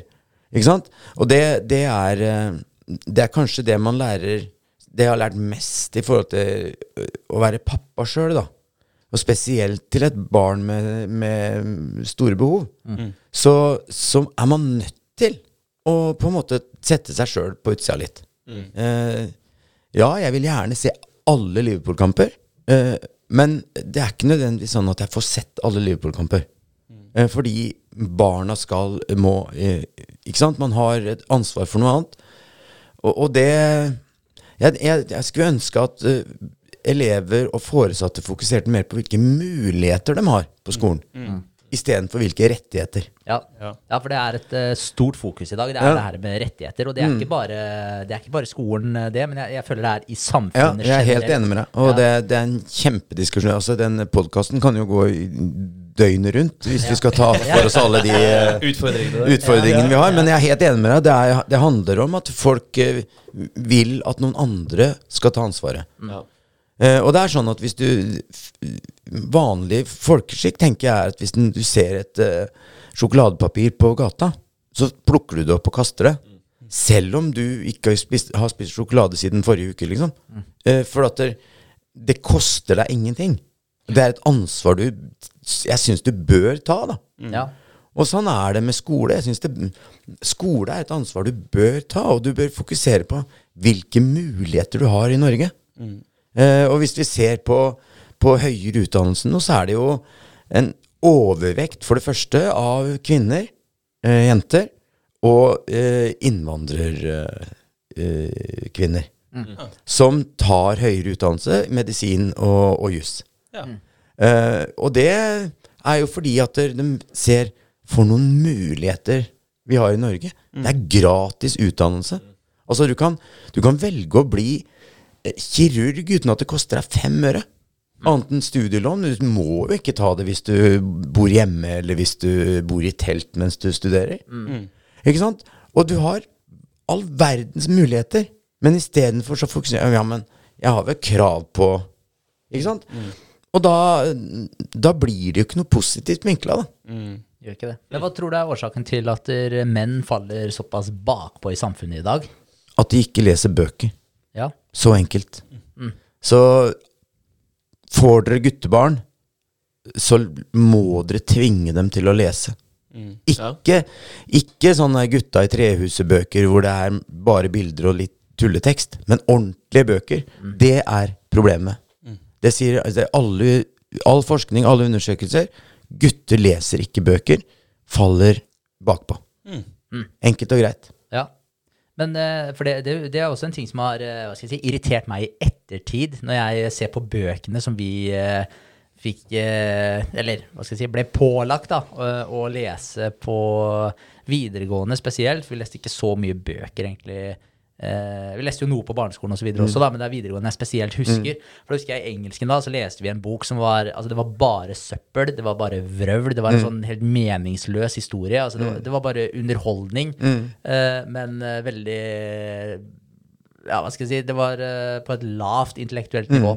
ja. Og det som plaga meg med det i ettertid, er at der, eh, det er så utrolig mange bra bøker der ute som har fengende historier, men som virkelig kan lære deg noen verdier i bånn her. Ja, ja. Hvorfor skal vi ikke, når vi først leser en bok, faktisk lese en sånn kvalitetsbok, i stedet for å lese den søpla som vi ble satt til å lese? Ja. Det er jo trist. Nå vet jo ikke jeg hvilke bøker den engelsklæreren din satte deg til å lese, men, eh, så jeg skal ikke arrestere han. Men, men jeg er helt enig, og det, er det som det bøker gjør, da, er at de lærer jo lærer deg til å se mange dimensjoner. De lærer deg til å se alle fasettene som fins eh, der ute. Og du kan gå inn i et hvilket som helst liv for en liten stakket stund. Og lese om ting som er helt annerledes enn det livet du har levd. Eh, og det gir deg eh, så mange fordeler. Og det gir deg muligheten, den evnen til å konsentrere deg over tid, som eh, internett har tatt fra oss, da. Eh, det fins mye positivt med internett, men uh, denne scrollegreia Man hører aldri ferdig ens Altså, Altså, det fins ikke et album nå som har låter som henger sammen fra uh, første til siste låt. Du kan ikke høre Altså, uh, alle Hvis du tar noe så enkelt som Pink Floyd, da, så, så, så er dette her det, det er en hel historie over hele albumet, liksom. Det følger hverandre. Det, det skjer jo ikke lenger, for folk har ikke tid til det. Mm. Der er det jo låter på ni minutter og sånt. Ja, ja. Nå er det låter Ja. på akkurat to minutter og 30 sekunder, for det Ja. klarer vi å, å ja. høre ferdig. Og da, da, da sveiper du videre, og så eh, Du skipper. Nei, det syns jeg ikke var noe bra. Skipper. Eh, og, og det har jo gått over til alt, da. Til hele samfunnet. Eh, om det er kjærlighetslivet, eller om det er eh, skolefag, eller om det er Vi har ikke Vi har et bitte lite konsentrasjonsvindu. Og det eneste, tror jeg, nesten som kan få bedre av det, det er at vi leser. Ja, det er en eh, Jeg er helt enig. i En oppfordring fra meg til dere hvis dere får barn. Jeg vet ikke om noen av dere har barn. Akkurat fått. Han ja. Akkurat her. fått. Fire, fire uker. Gutt eller jente? Gutt. Ja. Lesebok. Lesebok. Det må du. Han fikk sin første lesebok Ja. eh, som én uke gammel. Ja, og og du må lese for den, for da får du øvd opp eh, konsentrasjonsvinduet ditt. Helt, da. helt riktig. For jeg sett livet fra et annet eh, perspektiv, Ja. og ja, det Ja. blir veldig bra. Og så må du kjøpe Liverpool-drakt din. Åh, den sitter veldig langt inne. Ja, men det er, det er kjempeviktig. Hvis du vil at han skal lykkes i livet, så må du kjøpe Liverpool-drakt. Jeg har akkurat uh, sagt til en kar på et forum at jeg, jeg tar eh, drakta di, for han skulle gi bort en drakt hvor det sto uh, Jakob, da, som er navnet på, på guttungen min, på drakta. Og det var uh, med Manchester United-logo på, så jeg beklager. Jeg må skuffe deg, Tore. Men du skuffer jo sønnen din, stakkar. Jeg, jeg bryr meg jo ikke. Jeg har jo klart meg. Ja, Ja, ja, ja, det var det. Men eh, ja, om, apropos Ja. eh, bok og, og Jakob, da, og sønnen og, og han. For det er jo eh, noe jeg har begynt å tenke på veldig mye i det siste. Det vi snakker om nå. Ja. Hva skal han gjøre? Skal han gå eh, offentlig? Skal han gå Montessori? Må vi begynne å søke nå? Det må du. Eh, ikke sant? Nei, ikke akkurat nå, men det er, vi har søknads, vi har ganske lange lister og sånn, så det, ja, det er ja, det er vel nå For du, altså, ja, du kan jo legge inn en søknad, for du må jo ikke. Det er ikke sånn at hvis du kommer inn, så mm, har du sagt ja til 13 år på en måte. Sorry. Da har du brent alle broer til det offentlige? Nei, det har du ikke. Du Nei. kan alltid gå tilbake til det offentlige. Ja, okay, Ja. Ikke sant? Så men det men det, det, var, det var egentlig ett, svar, et svar på en av mine, mine spørsmål. Mm. Eh, og en annen ting da, som jeg har begynt å tenke på, er jo da barnehage. ikke sant? Mm. Det er jo enda nærmere. Eh, og det, det, jeg syns det er kjempevanskelig, fordi eh, du legger jo da ganske mange prosent av hverdagen til barnet ditt i noen andre sine hender. Og det jeg tror er viktigst, viktigere spesielt i barnehage, um, på skole så er det kanskje litt annerledes, men det er nok personene, ikke nødvendigvis nisjen, den barnehagen. Altså hva Er det en kulturbarnehage? Er det en sportsbarnehage? Er det en eh, s- ja, språkbarnehage? Mm, ja. Eh, så, så tenker jeg at det er de, de personene Ja. eh, som er inni det huset hvor barnet ditt skal være. Det er helt enig. Det er kjærlighet, det er omsorg. Mm. Ja. Det, er, det er mye viktigere. Og jeg tror kanskje det også er viktig for en Montessori-skole også. Mm. Ja. eh, Hvem du har på, på laget. Det er det absolutt. Viktig på, på ethvert eh, område i livet generelt. På en, Mm. I en bedrift. Hvem to mennesker er det som styrer skuta? Eller Ja, tre ja. eller fire? ja, ja, ja. Absolutt. Så, så, så der syns, det, men det syns jeg er kjempevanskelig. Mm. Fordi det er jo veldig mange Ja. Barnehager å velge mellom, både offentlig Mm. og privat. Vi har vært heldige og hatt en eh, fra privat sektor her, så vi har fått litt eh, perspektiv og litt eh, innblikk derifra. ja. Men jeg tror det viktigste uansett, om du går offentlig eller privat, så skal du ha gode personer som er rundt barnet ditt. Mm. Ja. Det er jo, Så- ja. unnskyld, ja, men det er jo, det er jo på det tidlige stadiet der da hvor eh, underbevisstheten former seg. Det er jo nå de tar inn uh, suger til seg alt da av miljøet rundt som uh, former den du blir. Så det er veldig Ja, viktig. det Veldig er viktig. Ja. Jeg hørte Vi hadde en, en forelesning med en professor nå i forhold til barn, og altså null til to år. Der dannes all eh, Altså empati i barnet dannes da fra null til to år. Så hvis den ikke mottar noe kjærlighet eller empati eh, i den alderen, eh, type at man har vokst opp eh, ja, på en institusjon, eller med foreldre som ikke er til stede i hele tatt, ruser seg kanskje, eller Omsorgssvikt generelt. Så ja. fins Altså, det, det, du kan ikke få det tilbake, da. Mm. Eh, så da sier de du kan ikke helbrede det. Da er det på en måte habilitering. Da skal du bare gjøre det beste ut av det. Du får ikke gjort noe med det. Det som ikke har blitt eh, lagt til grunnlaget fra null til to år. Så jeg er helt enig med deg at det er viktig, men jeg tror ikke noen velger å jobbe i barnehage, skole, eh, helsesektoren uten at de ønsker å bidra med omsorg og kjærlighet. Det tror jeg ikke. For at det, det er ikke sånn at du, du gjør det ikke for pengene. Ikke sant? Til det er det altfor dårlig betalt. Eh, så det er en annen grunn. Det er noe annet som driver deg. da Eh, og så Jeg tror ikke du skal være så bekymra. Jeg tror du får det samme uansett. Ja, det tror jeg også. Men jeg, jeg fikk et godt poeng servert av en um, venninne av, av forloveden min, og hun, hun sa det at det, det er jo ofte Eller jeg tenkte sånn i etterkant. Det er ofte man tenker at man skal um, ja, man har lyst til å gå til noen som er nyutdanna, for da har man den nyeste, nyeste forskningen. og er, Det sitter ferskt, og det er, er Ja, det er, du har et innblikk i, i, det som er det nyeste av forskningen. Mm. Eh, men akkurat i det med barnehage og omsorg, mm. så opplevde hun at barnehage med mange litt eldre omsorgspersoner der var det bedre for barnet hennes å være da, enn ja. eh, der det var flere på en måte, nyutdannede og større utskiftning. Og ja. Hvis du har, har en plass der det er voksne, spesielt damer, da, ja. som veldig, har veldig stort omsorgshjerte. Ja. Der var det bedre for barnet hennes å, å være. Ja, det kan jeg tenke meg. Og, det kan jeg tenke meg. Og så tror jeg det er sånn at der, uh, For verden er nå kommet dit at alle skal på en måte litt videre, da.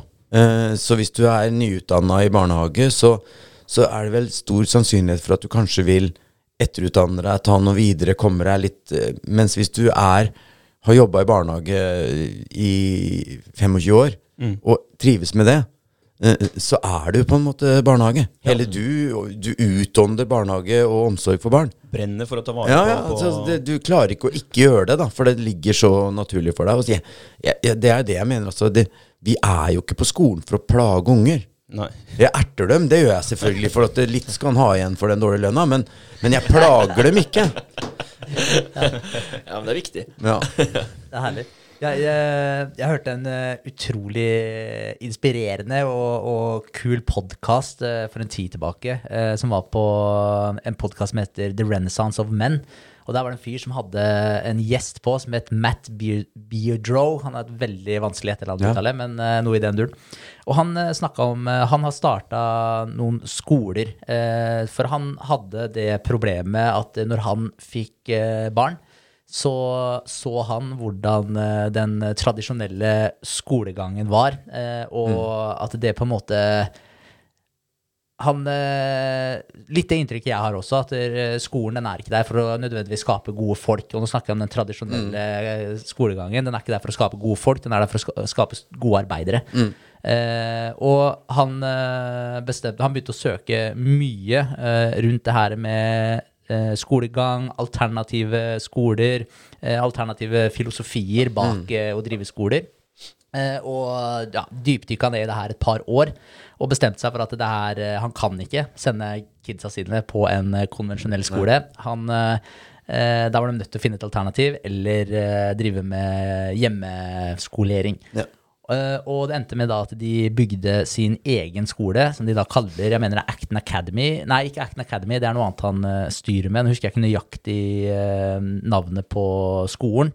Men, men, han starta i hvert fall en egen skole som var bygd på sokratiske, mm. sokratiske prinsipper og mm. sokratisk mm. filosofi. Og det er visst Ja, naturligvis da, så er det noe som strekker seg tilbake mange, mange, mange mm. hundre år. Ja, ja. Uh, og, det, og, der var det mer det her med å skape det samme som egentlig du snakker om med tanke på Montessori-skolen. Frihet uh, mm. under ansvar. Ja. Og at de der også blanda alderstrinn. Du hadde uh, De setter også opp egne målsetninger. De, de, har ikke noen sånn timestruktur på dagene sine. Så veldig mye mm. likt som det du beskriver mm. her. Og han nekter egentlig å kalle de for barn. Han kaller dem for unge helter. Ja. Eller unge, unge personer. Ja, for, for, han mente at det, var, mm. at det er unge helter som man skal, eh, skal uh, ja, fostre opp mm. her i verden. Da. Og det er det samfunnet trenger. Og når han snakka om prestasjonene til de barna her, for de også får jo lov å dypdykke i det de selv ønsker, og mm. det de selv er interessert i. Så han snakka om åtteåringen og tiåringen hans. De eh, ringte uten at han var involvert i samtalen. Mm. Så ringte de opp businesser mm. og, og, spurte om de var interesserte i å ha en stand på en lokasjon for å selge varene sine der. Mm. Eh, og de kom til å da promotere den eventen her mm. eh, på vegne av disse bedriftene.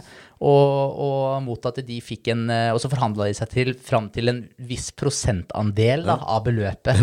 Og det her, her, her snakker vi da en åtteåring og en tiåring som gjør det her uten veiledning fra pappaen sin, eh, og er helt rolig når de da faktisk snakker med voksne Ja, ja. eh, mannfolk og kvinnfolk på andre sida av det ja. telefonrøret her, da, og setter opp det. Og når jeg hørte det her, så ble jeg helt eh, satt ut. Jeg tror jeg faktisk gikk med åpen munn fra jobben når jeg Ja. hørte den historien der. For jeg ble sånn Er det her mulig, liksom? Og da tenker jeg jo litt den eh, kraften av å la ungene få frihet eh, under ansvar, og hva det faktisk kan fostre fram hos, eh, hos barn. Og, og jeg har tenkt mye på det her i etterkant når jeg hørte den, eh, den podkasten her også, og i forhold til det jeg hører eh, For det var etter det jeg egentlig ble kjent med den mm. Montessori-skolen Ja. når vi var på, i dåpen til eh, da barnebarnet ditt. Ja, ja. Eh, og da, det var jo da du egentlig nevnte litt eh, Du sa det bare i en bisetning, liksom, i forhold til bare et par ting om Montessori-skolen. Og, det- og det fikk jo det pirra nysgjerrigheten. Og jeg dro en del sammenligninger da med eh, dette skoleopplegget til han Matt Beedrow. Så han har jo nå gått inn for da, å på en måte forandre litt Eller ikke forandre kulturen, men skape et alternativ til den konvensjonelle skolegangen. Og det er det jeg føler at den Montessori-skolen er også. Og jeg tror Ja. det er ekstremt viktig for eh, barn i dag. Også den tendensen vi ser i dag i forhold til det som vi prata om, eh, eh, å ta ansvar i stedet for å bare se på hva du har rettigheter til, og at du havner inn i den der lille offerbobla di. Da. Så jeg føler jo det her eh, frihet under ansvar, lære eh, at ja, lære barn og unge voksne å ta ansvar, Ja. at det er ekstremt viktig. Så jeg bare Jeg dro så mange sammenligninger med den podkasten Ja, ja. jeg hørte der, så, den, så jeg tenkte den skal, jeg- skal vise deg den podkasten Ja, gjør det. Etterpå, Ja, gjør det. Send meg en uh, link på det, sånt, så skal jeg høre på den. Nei, men det er jo Altså, man klarer jo ikke uansett å, å lære noen som ikke vil lære noe. Mm. Det går jo ikke. Jeg kan ikke uh, Så det Du må ha en Du må ha en eller annen et ønske om å få det til. Eh, og hvis det ikke Altså, det er ingen som hadde lært seg å sykle hvis man ikke absolutt ville lære seg å sykle. For alle vet hva som ligger i andre enden av det. Eh, så du tåler å slå deg. Du tryner, og du slår deg, og du griner, og du Men du fortsetter, for du vet jo Selvfølgelig, alle vil lære seg å sykle. Ikke sant? Og sånn må det jo være. Det, det må være en Du må ha en grunn til det. Du må vite Det vil jeg lære meg. Ikke sant? For det her syns jeg er kult. Uh, og da er det som du sier, jeg vil tilbake til nynorsken igjen. Det syns du ikke er kult. Nei. Og, dem, og så, uh, det heter jo ikke Det heter jo sidemål. Så de som, sna, uh, som skriver nynorsk eh, oppe i Telemark, de syns ikke det er morsomt å skrive bokmål heller. På sitt sidemål. Ikke sant? det. de vil også slippe det. Mm. Eh, og, og, og det kommer jo til å Men ting tar tid, da. Men det kommer til å forsvinne, tror jeg, om noen år. Men det, det der med å, å, å ha et svar på hvorfor, det er jo viktig uansett Ja, eh, ja, ja. hvilken sammenheng. Hvis, Uansett. ja, hvis, jeg skal, hvis jeg skal få hjelpe en av mine kunder, da jeg jobber på et treningssenter og Mm. er trener for små og store grupper, Ja. eh, og har eh, trenere som også er trener for eh, disse små gruppene Det å, å bare be en person om å, å ta et hopp, eh, Mm. det er ok, ja, men eh, det er kanskje ikke like, like lett for en person å fortsette med de hoppa sine, hvis han ikke vet hvorfor du skal hoppe, da. Nei, nei. Hvis personen har sagt til meg at jo, jeg har lyst til å, å klare å mm, hoppe opp og ned fra den kassa her, fordi det gjør eh, barnebarnet mitt, eller det gjør sønnen min. Ja. Ja, men da, da må du faktisk eh, øve på det. Og Det da har har ja. vi det, den hvorfor-forklaringen, Ja, ja, og da er det mye lettere å, å holde det gående. ja. Så jeg Og da har de jo et mål. Ikke sant? Bare jeg kommer dit. Mm. Og når du først har kommet dit, da vil du gjerne videre eller med noe annet. Ikke sant? For da ser du du får en mestring, og du har lyst til dette her. Var kult. Dette kan jeg. Nå vil jeg lære noe mer. Det, det som også, øh, I forhold til det med Montessori-skolen, når du snakker om den her friheten Jeg merker at jeg får en sånn øh, kognitiv dissonans når jeg hører det her. Fordi det er Skole og frihet. Ja, ja, ja, fordi det er, så, det er så vanskelig for meg å se for meg uh, de tinga på lik linje som jeg jeg hørte den podkasten mm. som jeg akkurat fortalte om. Så er det ekstremt vanskelig for meg å bare wrappe huet mitt rundt hvordan det her fungerer. Altså hvordan man kan innføre så mye frihet i et klasserom, og samtidig få det her til å gå eh, hva skal jeg si, den riktige veien. Men eh, det har jo sikkert mer med min kondisjonering eh, å gjøre enn eh, enn det faktisk, eh, hvordan det faktisk fungerer. Ja, så er det jo, som jeg sier, vi har jo våre utfordringer.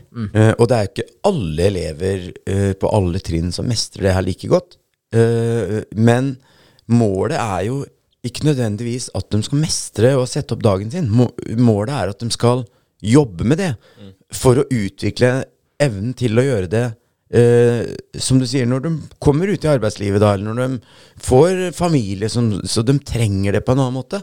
Eh, det er jo ikke sånn at det, eh, hvis de ikke klarer det, hvis det har gått fire uker og de ikke har gjort noen ting, så vi kan ikke sitte og se på det. Da må vi jo hjelpe dem, hjelper dem underveis. Men målet er at de etter hvert da, skal det bli en sånn naturlig del. Ok, hva gjør jeg denne uka? Ja, ok, det er sånn, sånn og sånn. Jeg har meldt pent vær på onsdag, da har jeg lyst til å ha muligheten til å være mye ute. Da jobber jeg heller mer intensivt på mandag-tirsdag. Så kan vi spille mer basket på onsdag. For da er det sol. Ikke sant? Bli selvgående? Ja, eller? bli selvgående og se muligheter istedenfor begrensninger, da. Se at dette her er jo ganske Det lar seg gjøre. Du kan trekke, trekke frihet litt lenger, da, hvis du eh, går i den retningen som Elon Musk mener. Han mener jo at skole eh, fra high school da, opp til eh, college, det blir vel ungdomsskolen og ut videregående, at det bare er bortkasta. Så han, eh, han sier jo det at du, du eh, Egentlig college det er for å ha det gøy og bli flink til å gjøre um, chores, da, eller Plikter, liksom. Plikter, ja. Ja, Du skal bli strukturert. Og ja, egentlig, for, for du har all eh, informasjon har du tilgjengelig Ja, ja. På, på internett, Ja. og biblioteket og sånt nå. Ja, ja. Så hvis du er flink med deg sjøl, og er selvstendig, og kan ta deg sjøl i nakken og dra deg ned på biblioteket eller få opp uh, ting på PC-en, så ja, kanskje du egentlig ikke trenger å gå på, på en vanlig konvensjonell skole. Kanskje du kan gjøre ting alene på egen hånd eller Ja. sammen med andre i, i grupper. Litt enig. Ja. Han, da da han- må du ha den drivkraften, da, og vite hva du faktisk vil. Og det, og det tenk, tenker jeg også at eh, for å jeg, jeg tror sånn som Montessori og skole generelt, det å få verktøy til å klare å være strukturert, klare å sette i gang, klare å, vite når du skal stoppe, for at du, mm. hjernen din trenger en pause, ha verktøya der, og ha mentorene til Ja. å få ballen til å rulle. Det tror jeg er det viktigste Ja. uh, hvis man skal tenke frihet. Men at du får verktøya og mentorene, guidene. Ja, ja, og det er viktig. For altså, du klarer det jo ikke på egen hånd. Du kan ikke forvente av en elleveåring uh, at han skal legge opp uh, uka si. Men du kan forvente at han skjønner hvorfor det er viktig at han gjør det. Ikke sant? Det kan du fortelle. Eh, At det, det, det er lurt av deg å gjøre det sånn. Fordi at hvis du gjør det sånn, så skjer det. Ikke sant? Der må vi begynne. Og så etter hvert da så vil jeg tro og håpe at dette er noe de tar med seg videre i livet. Og det er jo ikke uten grunn at det har kommet inn sånn eh, tverrfaglighet som livsmestring og i, i læreplanen i offentlig skole. Liksom, for dette, vi ser jo at folk sliter med å mestre livet sine. Men jeg, jeg, ja, det var ikke meningen å Ja. avbryte. Nei, fortsett du. Jeg- Men jeg tenker også når du kommer ut da, av eh, Etter 13 år på skolen, Mm. og du kommer ut som en 19-åring, og du ikke vet hvordan du leverer uh, skattemeldinga di, Ja. da tenker jeg altså hva, hva, hva går du på skolen for da? Ja, ja, ikke sant. Ja. Og det er jo det som er problemet. Og eh, da har du skrevet masse morsomt i norsk. Ja, ikke sant? Du har gjort det. Men når vi vet det, da, eh, at egentlig så burde norsktimene bare gå med til å lese bøker. Hvis alle hadde bare lest all den gode litteraturen, så hadde de lykkes bedre. Ikke sant? Uh, men så er det Ja, det er jo et kompetansemål at du skal lese, og du skal lese litteratur på dansk og samisk, og du skal gjøre masse sånt forskjellig nynorsk, ikke minst. Men Vegard han får sånn stempel. ja, han. det er- Hater han blir helt blek når det kommer Bare mister all eh, hudfarge, liksom. Nynorsken. Ja, jeg sto i hvert fall nynorsk da du gjorde. Er det, er det Ivar, eh, Ivar Aasen han heter, han som eh, er ansvarlig for nynorsken? Det, han er ansvarlig for nynorsken. Er det din erkefiende? Ja, det er det. Ja. Ja. Fader, Men det gikk altså. bra. Det Det gikk bra. Ja, han overlevde ikke, han heller. Nei. Vi se. Ja, nei, altså, så, så det, det er jo det. Men vi som lærere, selv om vi vet det, da, eh, så kan vi Vi, er jo, vi kan ikke gjøre det. Jeg kan ikke si, vet du hva, vi, vi ser bort fra det greiene. Vi blåser i nynorsk. På ungdomstrinnet, det blåser vi. La oss lese bøker. Jeg skal plukke ut ti bøker som vil forandre livet deres. For det fins sikkert en million bøker som vil forandre livet til folk. Mm. Eh, det var jo det de burde ha gjort. Eh, men jeg kan jo ikke gjøre det. Fordi at det, den makta eller den ansvarligheten har ikke jeg blitt gitt. da.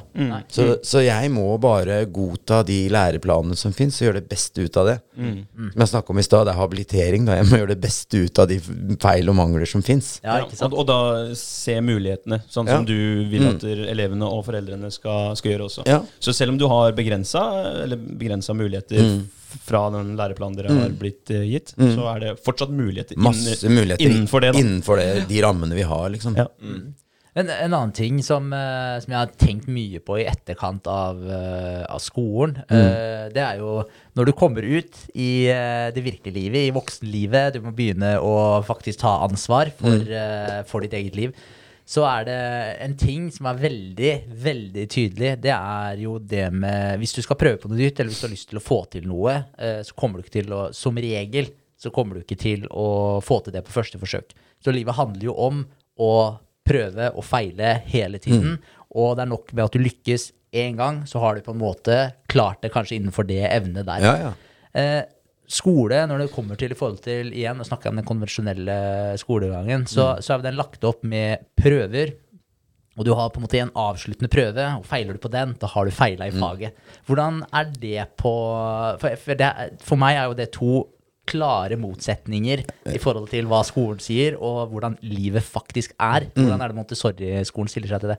Nei, altså vi, som sagt, vi må jo gjøre det samme. Vi, eh, elevene har krav på en vurdering eh, hvert halvår i faget. En uh, tallvurdering, da.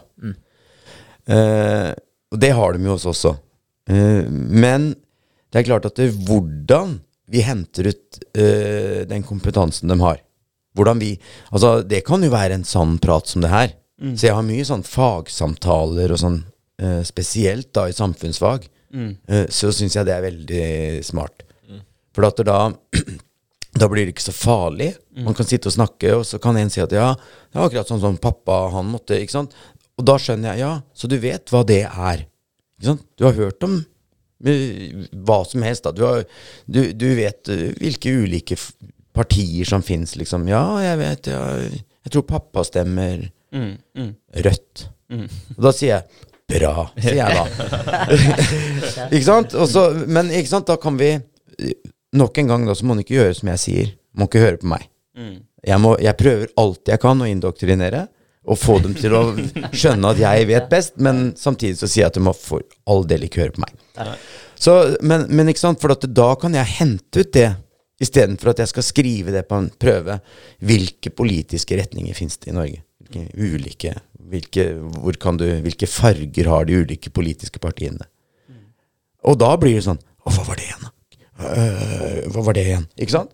Da, øh, da kan du heller luske ut av dem. Mm, mm. Hva ville du ha stemt, liksom? Ville du ha stemt på det eller det? Ja, men hva er forskjellen? Ja, ikke sant? Så snakker man om det, så vet jeg. Ja, du vet såpass. Da kan jeg hente ut den kompetansen de har, istedenfor å gjøre det på en prøve. Ikke sant? Ja. ja, men det er, jo, det er jo en eh, fin måte igjen, da, for eh, som du er inne på, å tilpasse seg det rammeverket man er gitt. Ja. For, for dere er vel eh, Det har vel litt med støtteordninger osv. òg, for å få støtte. Dere er nødt til Det er vel derfor dere er nødt til å gjøre disse Ja, ja, tingene, eller? ja, at dere er ja, under et, det rammeverket. Ja, ja, vi får jo overføringer til skoledrift, som Ja. alle andre skoler. Ja, så, så hvis ikke vi gjør ordentlig, så kommer jo direktoratet tar oss. Ja, stemmer. stemmer. Så, så det er jo der den mm. sammenhengen Mm. Ja, ja, er. ja, si. ja. Mm. Men det er jo fint at man kan, eh, kan balansere det litt. Ja. Grann, og, og Men det, det kan jo offentlig skole òg. Det er jo ingen som kan nekte. Altså, det handler bare om Det står bare at du skal du skal finne den kompetansen eleven har. Eh, og det står ikke noe sted i noen lover og regler om at den skal være, leveres skriftlig på en prøve, liksom. Det er veldig praktisk, da. Og veldig kanskje mye enklere Mye lettere. å, gjøre på en Ja. mengde elever. Ja, Mm. eh, ikke sant. Eh, og da Men også Man må nesten stole litt på sitt eget Og det skjønn, da. Og det er jo komme nå i den nye fagfornyelsen. Da skal lærerens skjønn få lov til å spille litt større rolle igjen. Og det syns jeg er bra. Ikke sant. Tror, jeg tror også det er flere, flere som syns det er bra. Jeg bare fikk med meg noen sånne små statistikker her. At der, um, I 2016 så var det registrert uh, ca. 23 000 elever på uh, private skoler. De siste to, ti årene så har det kommet en økning på 50% når det gjelder skoler, altså skoletilbud som er Mm. private, og en økning på 65 av elever. Så per i dag så er det ca. 30 000 elever Mm. uh, av eh, en elevmasse på 606 000. Mm. Så det, det er en ganske god trend Ja da, på, det- ja, det på det. private. Mm. Og tenker du at der, den vil bare fortsette å, å stige, fordi informasjonen blir, eh, Mm. blir bedre rundt Ja. det? Og jeg vet ikke hvor gammelt er Eller hvor gammel er Montessori i Norge, vet du det? Nei, det har jeg, husker jeg ikke sånn på stående For på verdensbasis så er det sånn typ 120 år Ja. gammelt, eller noe sånt. Ja, Ja, det stemmer. Uh, det starta jo med Maria Montessori i Italia, Mm. som uh, starta opplæring av eh, gatebarn. Ja. Uh, og det er klart at det, det er jo ikke overførbart til dagens barn.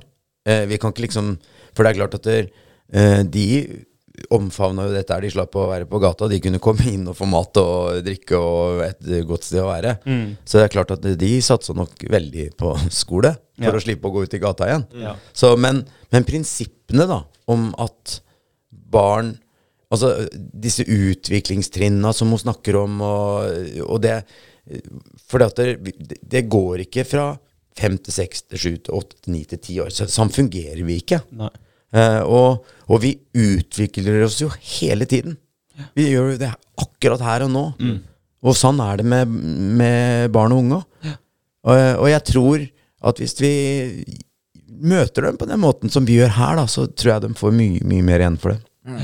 Men hva, hva var eh, det rammeverket i forhold til Jeg skulle lære opp eh, gatebarn, men hva, hva på en måte er de grunnleggende prinsippene som, eh, som Montessori-skolen er tufta på? Ja, det er jo, som jeg sier, i utgangspunktet da aldersblanding. Eh, og eh, friheten til eh, Altså ikke forstyrre barnet når de lærer. Altså hvis du sitter og jobber med noe, eh, så la dem bare Da kan du bare observere dem. Eh, ikke forstyrre, ikke gå inn og si eh, Ikke gjør sånn. Eh, men liksom la dem finne ut av ting sjøl. Eh, og hvis det er så, Og ikke strukturere det så mye så at der, eh, i dag lærer vi det, og nå lærer vi det, og så skal vi lære det. Men la dem liksom leke seg til læring. Eh, en annen foreldre som jeg snakket med, var veldig fornøyd med Montessori fordi på småskoletrinnet så skal det jo være mye lek. Det, er det, jo, det er jo det i offentlig skole, men de hadde jo erfaring med begge. Og sa at der, eh, Montessori, der får de faktisk lov å leke. Og det, det skal de jo. Det minste er fem år. De er jo ikke klare for å ta imot skole. Nei, veldig, veldig sant det òg. Altså, det er vel ingenting som eh, tilsier at eh, om du starter på skolen og skal starte med all læringa, altså den matematikken og alt det ja. greiene her, det, det er jo ingenting som tilsier at når eh, du starter når du er fem, eller om du starter når du er åtte, da, på et eller annet tidspunkt så jevner de her seg ut. Absolutt. Ja, så, det er, så det er ingenting som sier at når starter du når du er fem, så blir du mye smartere og mer oppegående Nei, enn om du starter når du er åtte. Absolutt ikke. Så, og det handler jo ikke om det. Det handler om, som, det, som vi har snakka om, det handler om å klare å vekke en interesse for at det er litt kult å lære noe nytt. Eh, og, og skolefag Det er jo ingen som skal bli KRLE, liksom. Eh, det, det er ikke det du skal jobbe som. Eh, altså, det er en liten del av hele mennesket, da. Men eh, Og det er som dere sier, Google har jo svaret. Altså, hvor, hvor mange guder eh, er det i hinduismen? Det, jeg klarer ikke å Det, det står jo der. På, på et, tre sekunder så vet vi jo det. Ja, det er veldig sant. Men, men åssen er, med- er det med samarbeid, egentlig? For eh, jeg føler at på offentlige skoler så er det Du blir satt til å jobbe alene, da. Ja. Som regel. Om det er i klasserommet eller om det er hjemme, så sitter du og jobber alene. Og hvis du skal jobbe opp mot en eh, prøve, så skal du helst ikke samarbeide med noen. Du sitter og jobber, og du tar en prøve alene. Du får ikke snakka med noen andre da. Og du leverer en, eh, de svarene dine for å få, få, eh, få tilbakemelding på det. da. Ja. Eh, og så er det som regel alltid bare ett riktig svar da, på, på den oppgaven du har. Ja. Så du, du får liksom den derre Ut ifra hvordan det funker nå, da, så er samarbeid er feil, og det er bare ett riktig svar på ting. Ja. Ikke flere. Men Ja. det er jo alltid flere riktige svar på uh, Det aller spørsmål, meste. Ja, det aller meste. Uh, vi har jo ikke pulter til elevene våre før på ungdomstrinn. Nei. Vi har bare felles bord. Ja. Og Så, så sånn er det. Ja. Det er svar. Da er det, natu Ja, det er det. naturlig, naturlige grupper. Ja. Eh, og så, ja, det er naturlige grupper, og det er som vi sier, det, det går veldig mye på tvers. Det er ingen uh, Så er de jo selvfølgelig De er jo veldig klar over at nå er, nå er jeg sjette trinn. Mm. Nå går jeg sjette klasse. Men, men i det daglige uh, så er de like mye sammen. Sitter jo på bord med en i fjerde, liksom. Og, og kan hjelpe hverandre med forskjellige ting, og de møtes på en helt annen måte. Og vi har jo Det er mye, mye samarbeid. Eh, og det er jo også noe vi må lære, da. Mm. Eh, å vente på tur, eksempel.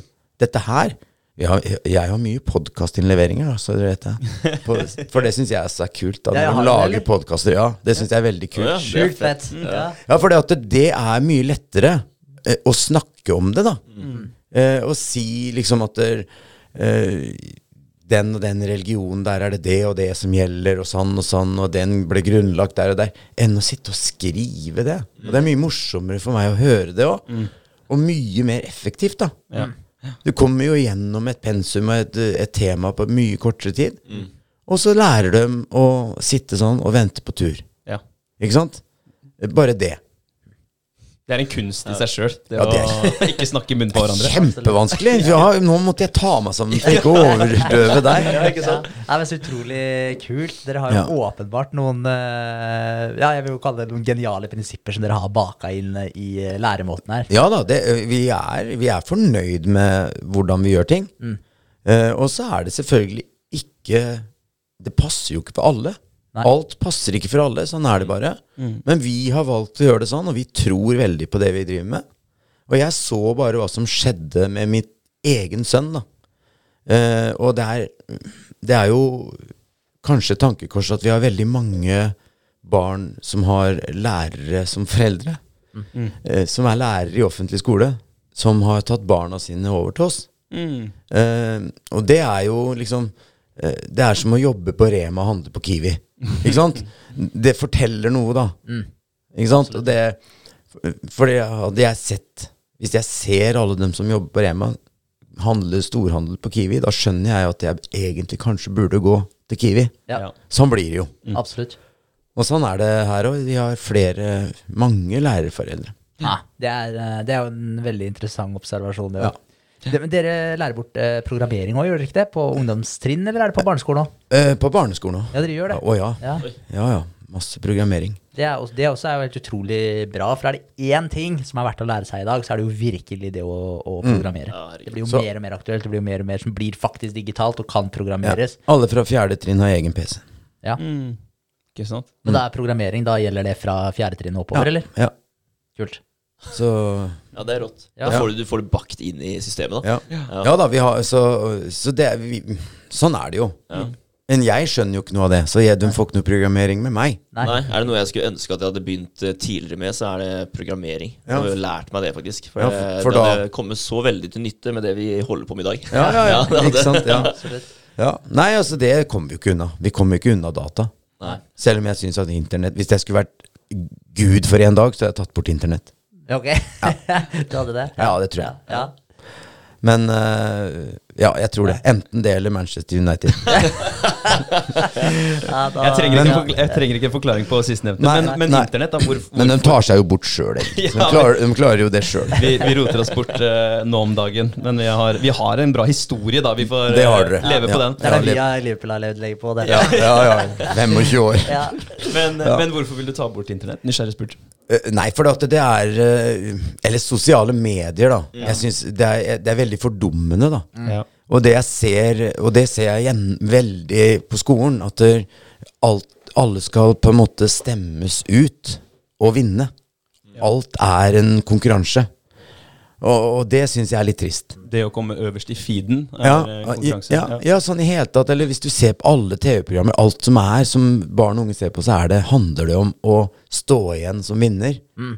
Eh, og, og gjerne kanskje danne allianser, eh, for så å bryte den avtalen for at du skal stå på toppen sjøl, liksom. Ja. Så, så, og, og det er problematisk, da, for det, det skjønner ikke Skjønner ikke barn. Eh, for det er jo Det er jo strengt tatt motsatt av sånn vi ønsker å være. Ja. Vi ønsker jo ikke å bruke mennesker rundt oss for å oppnå noe sjøl. Det er jo det vi egentlig ikke ønsker. Nei. Eh, og, og humor, da, som er ute der på internett, med roasting. Det verste som har skjedd. For det er ingen som Altså, man roaster jo uh, Da peker man pirker bare på det som gjør mest vondt. Ikke sant? Og man kan le av det.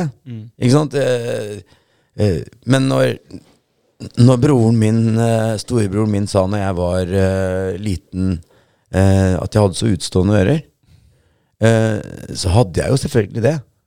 Men det har jo igjen eh, ført til at jeg aldri på 55 år har hatt kort hår. Ikke sant? Eh, fordi at det, det gjør jo noe med deg. Ja, klart det. Eh, og det, det klarer ikke barn å se. Ikke sant? Det, det, kommer, hvis jeg har en kvise på nesa, så vet jo jeg det først til alle. Så det, jeg trenger ikke Jeg trenger ikke at Henrik kommer med kvise på nesa, det. For det vet jeg, ikke sant? Ja, det er Henrik jævlig flink på, faktisk. Ja. det er kvise, sånn svær kvise her. Ja, og du visste jo Du visste det, ja. Ja, ja. Naboen visste. Ja. det var det. Ja, bra. ja. Men det er klart, den går jo bort. Ja. Ja. Ja. Hannes skavanker forsvinner jo ikke, det, ikke sant? Nei, sant. Nei, men det er litt viktig å tenke på, for at den, den, det språket vi bruker, det, er, det smitter så utrolig over på barn og unge. Eh, og, og det gjør jo vondt. Det gjør vondt for alle oss å høre om de tingene vi, har, vi sliter litt med sjøl. At det er det de pirker i. Det er liksom vri litt ekstra inn. Ja. Ja, og det kan jo være kommentarer som man egentlig ikke tenker noe over sjøl engang. Nei, man syns, ikke, man syns bare det er morsomt. Ja, og det, så det der kan Det er jo veldig vanskelig. Altså jeg tenker jo, Mm. altså Konkurranse for meg er jo det en helt naturlig del av det å være menneske. Men Mm. når det kommer til Og jeg tenker at det er veldig sunt også, men Mm. innenfor et visst rammeverk. rammeverk. Og, jeg, og jeg er jo helt enig med deg i forhold til sosiale medier. At det, det eh, trigger jo den verste formen for Ja, ja. konkurranse. For der er det hvordan du ser ut, hva du har, Ja, ja, ja. Og, og alle de kall det litt usunne eh, fikseringene Ja. som blir fokus. Eh, jeg tenker jo Han derre Tate, for eksempel, er en fin fyr. Ja, jeg er jo veldig fan av Tate. da. Ja, det vil jeg tro. Ja, Så, ja. men, man må, man må, men man må filtrere Jeg må ut. komme hit mange Ja. ganger, kjenner jeg.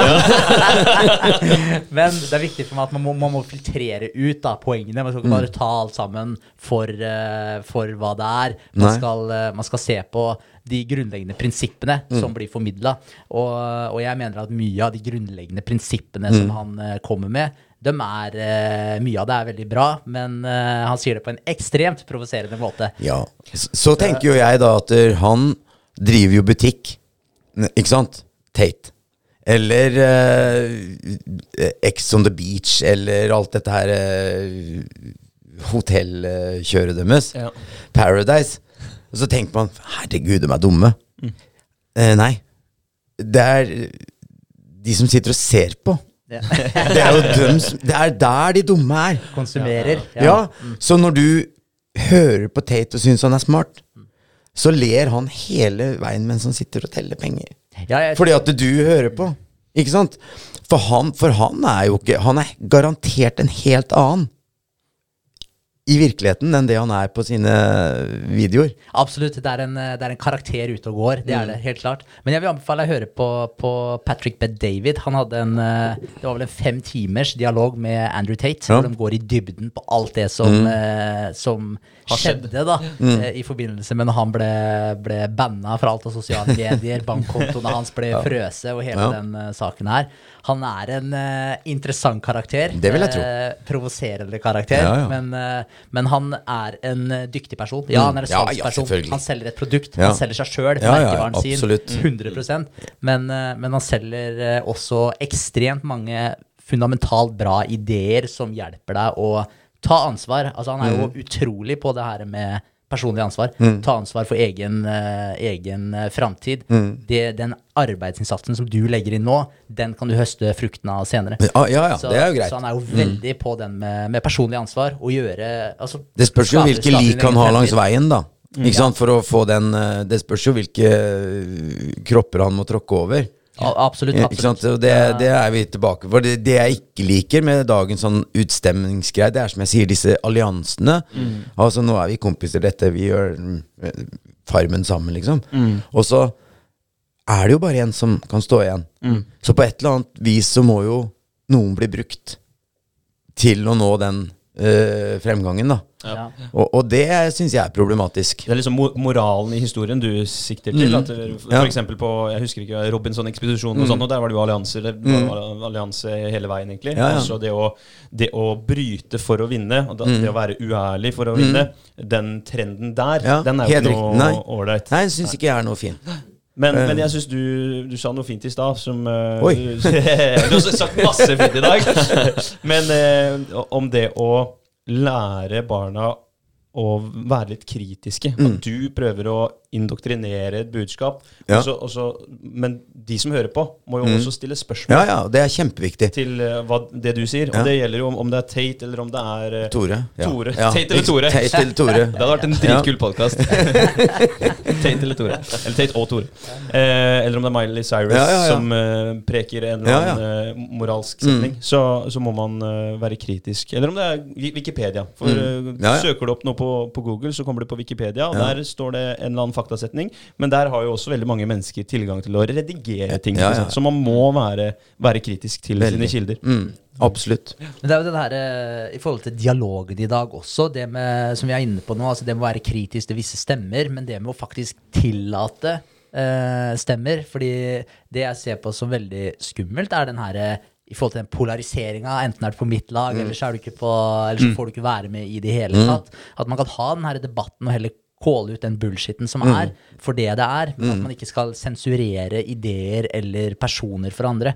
Fordi jeg, eh, mener jo at man burde lære både barn, unge voksne og godt voksne at man burde ha lært seg, eller burde lære seg å klare å filtrere ut de greiene her sjøl. Ja, ja. Og man må få debatten opp, Ja. og så kan man finne ut ok, hva er det som er dårlige ideer, og hva er det som er gode Ja, ja, ideer. det- og la er diskusjonen Ja, Mm. eh, ta knekken på de dårlige ideene, sånn at man finner ut at det, det her funka ikke. Den, det her lar vi være, og alle sammen er enige om det. Mm. Ja, ja, ja. Men, eh, men ikke, ikke dysse det ned, for faren med det er jo at der, noen får nyss om de ideene her, og så blir det et ekkokammer. Mm. Ja, ja, ja. Det, Og, så, og så får ikke de noe motstand, fordi man får ikke diskutert de ideene her Nei, offentlig. Nei. Og da mener jeg at da, da tror jeg skaden på, på lang sikt da, er mye verre Mm. Enn å la de ideene her komme til overflaten. Og det er klart at det, snakker om ekkokammer. De, har jo alltid eksistert. For du, du omgås jo bare de menneskene som du på en måte deler eh, oppfatninger og, og tanker med. Ja, du er jo åpenbart bare sammen med Liverpool-supportere. Ja, ja, bortsett fra Jeg har en sønn som er eh, United-supporter, men han eh, Altså, har, han arver jo ikke noe, da. I den grad det skulle bli noe å arve. Men eh, Nei, men altså, det er det jeg mener. Det, det, så ekkokammer har det jo alltid funnes. Eh, om man sitter og er medlem av en eh, MC-klubb, eller om man uh, går på salen, så vil man møte ekkokamrene sine der. Eh, og, og det fins sikkert noe godt å hente på en MC-klubb, som det gjør på salen. Eh, også, men så er ikke sannheten enten-eller. Ikke sant? Og det er det som er også Sannheten er alltid et eller annet sted midt imellom her. Så der er jeg helt enig med Henrik at vi må, vi må tåle uh, alle de stemmene.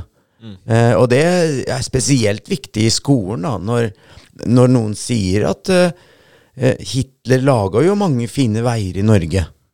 Så må man ikke si at vi snakker ikke om Hitler her. Ikke sant? Da må man si ja.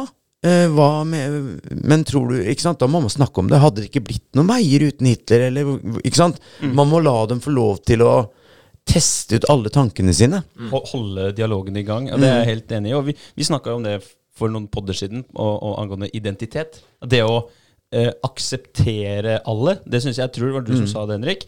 At det, eh, man må nødvendigvis ikke eh, respektere, men man kan as akseptere. Ja. Så man må gjøre seg fortjent en viss form for respekt. Ja. Men jeg aksepterer at du sier kler Ja, deg sånn som du er.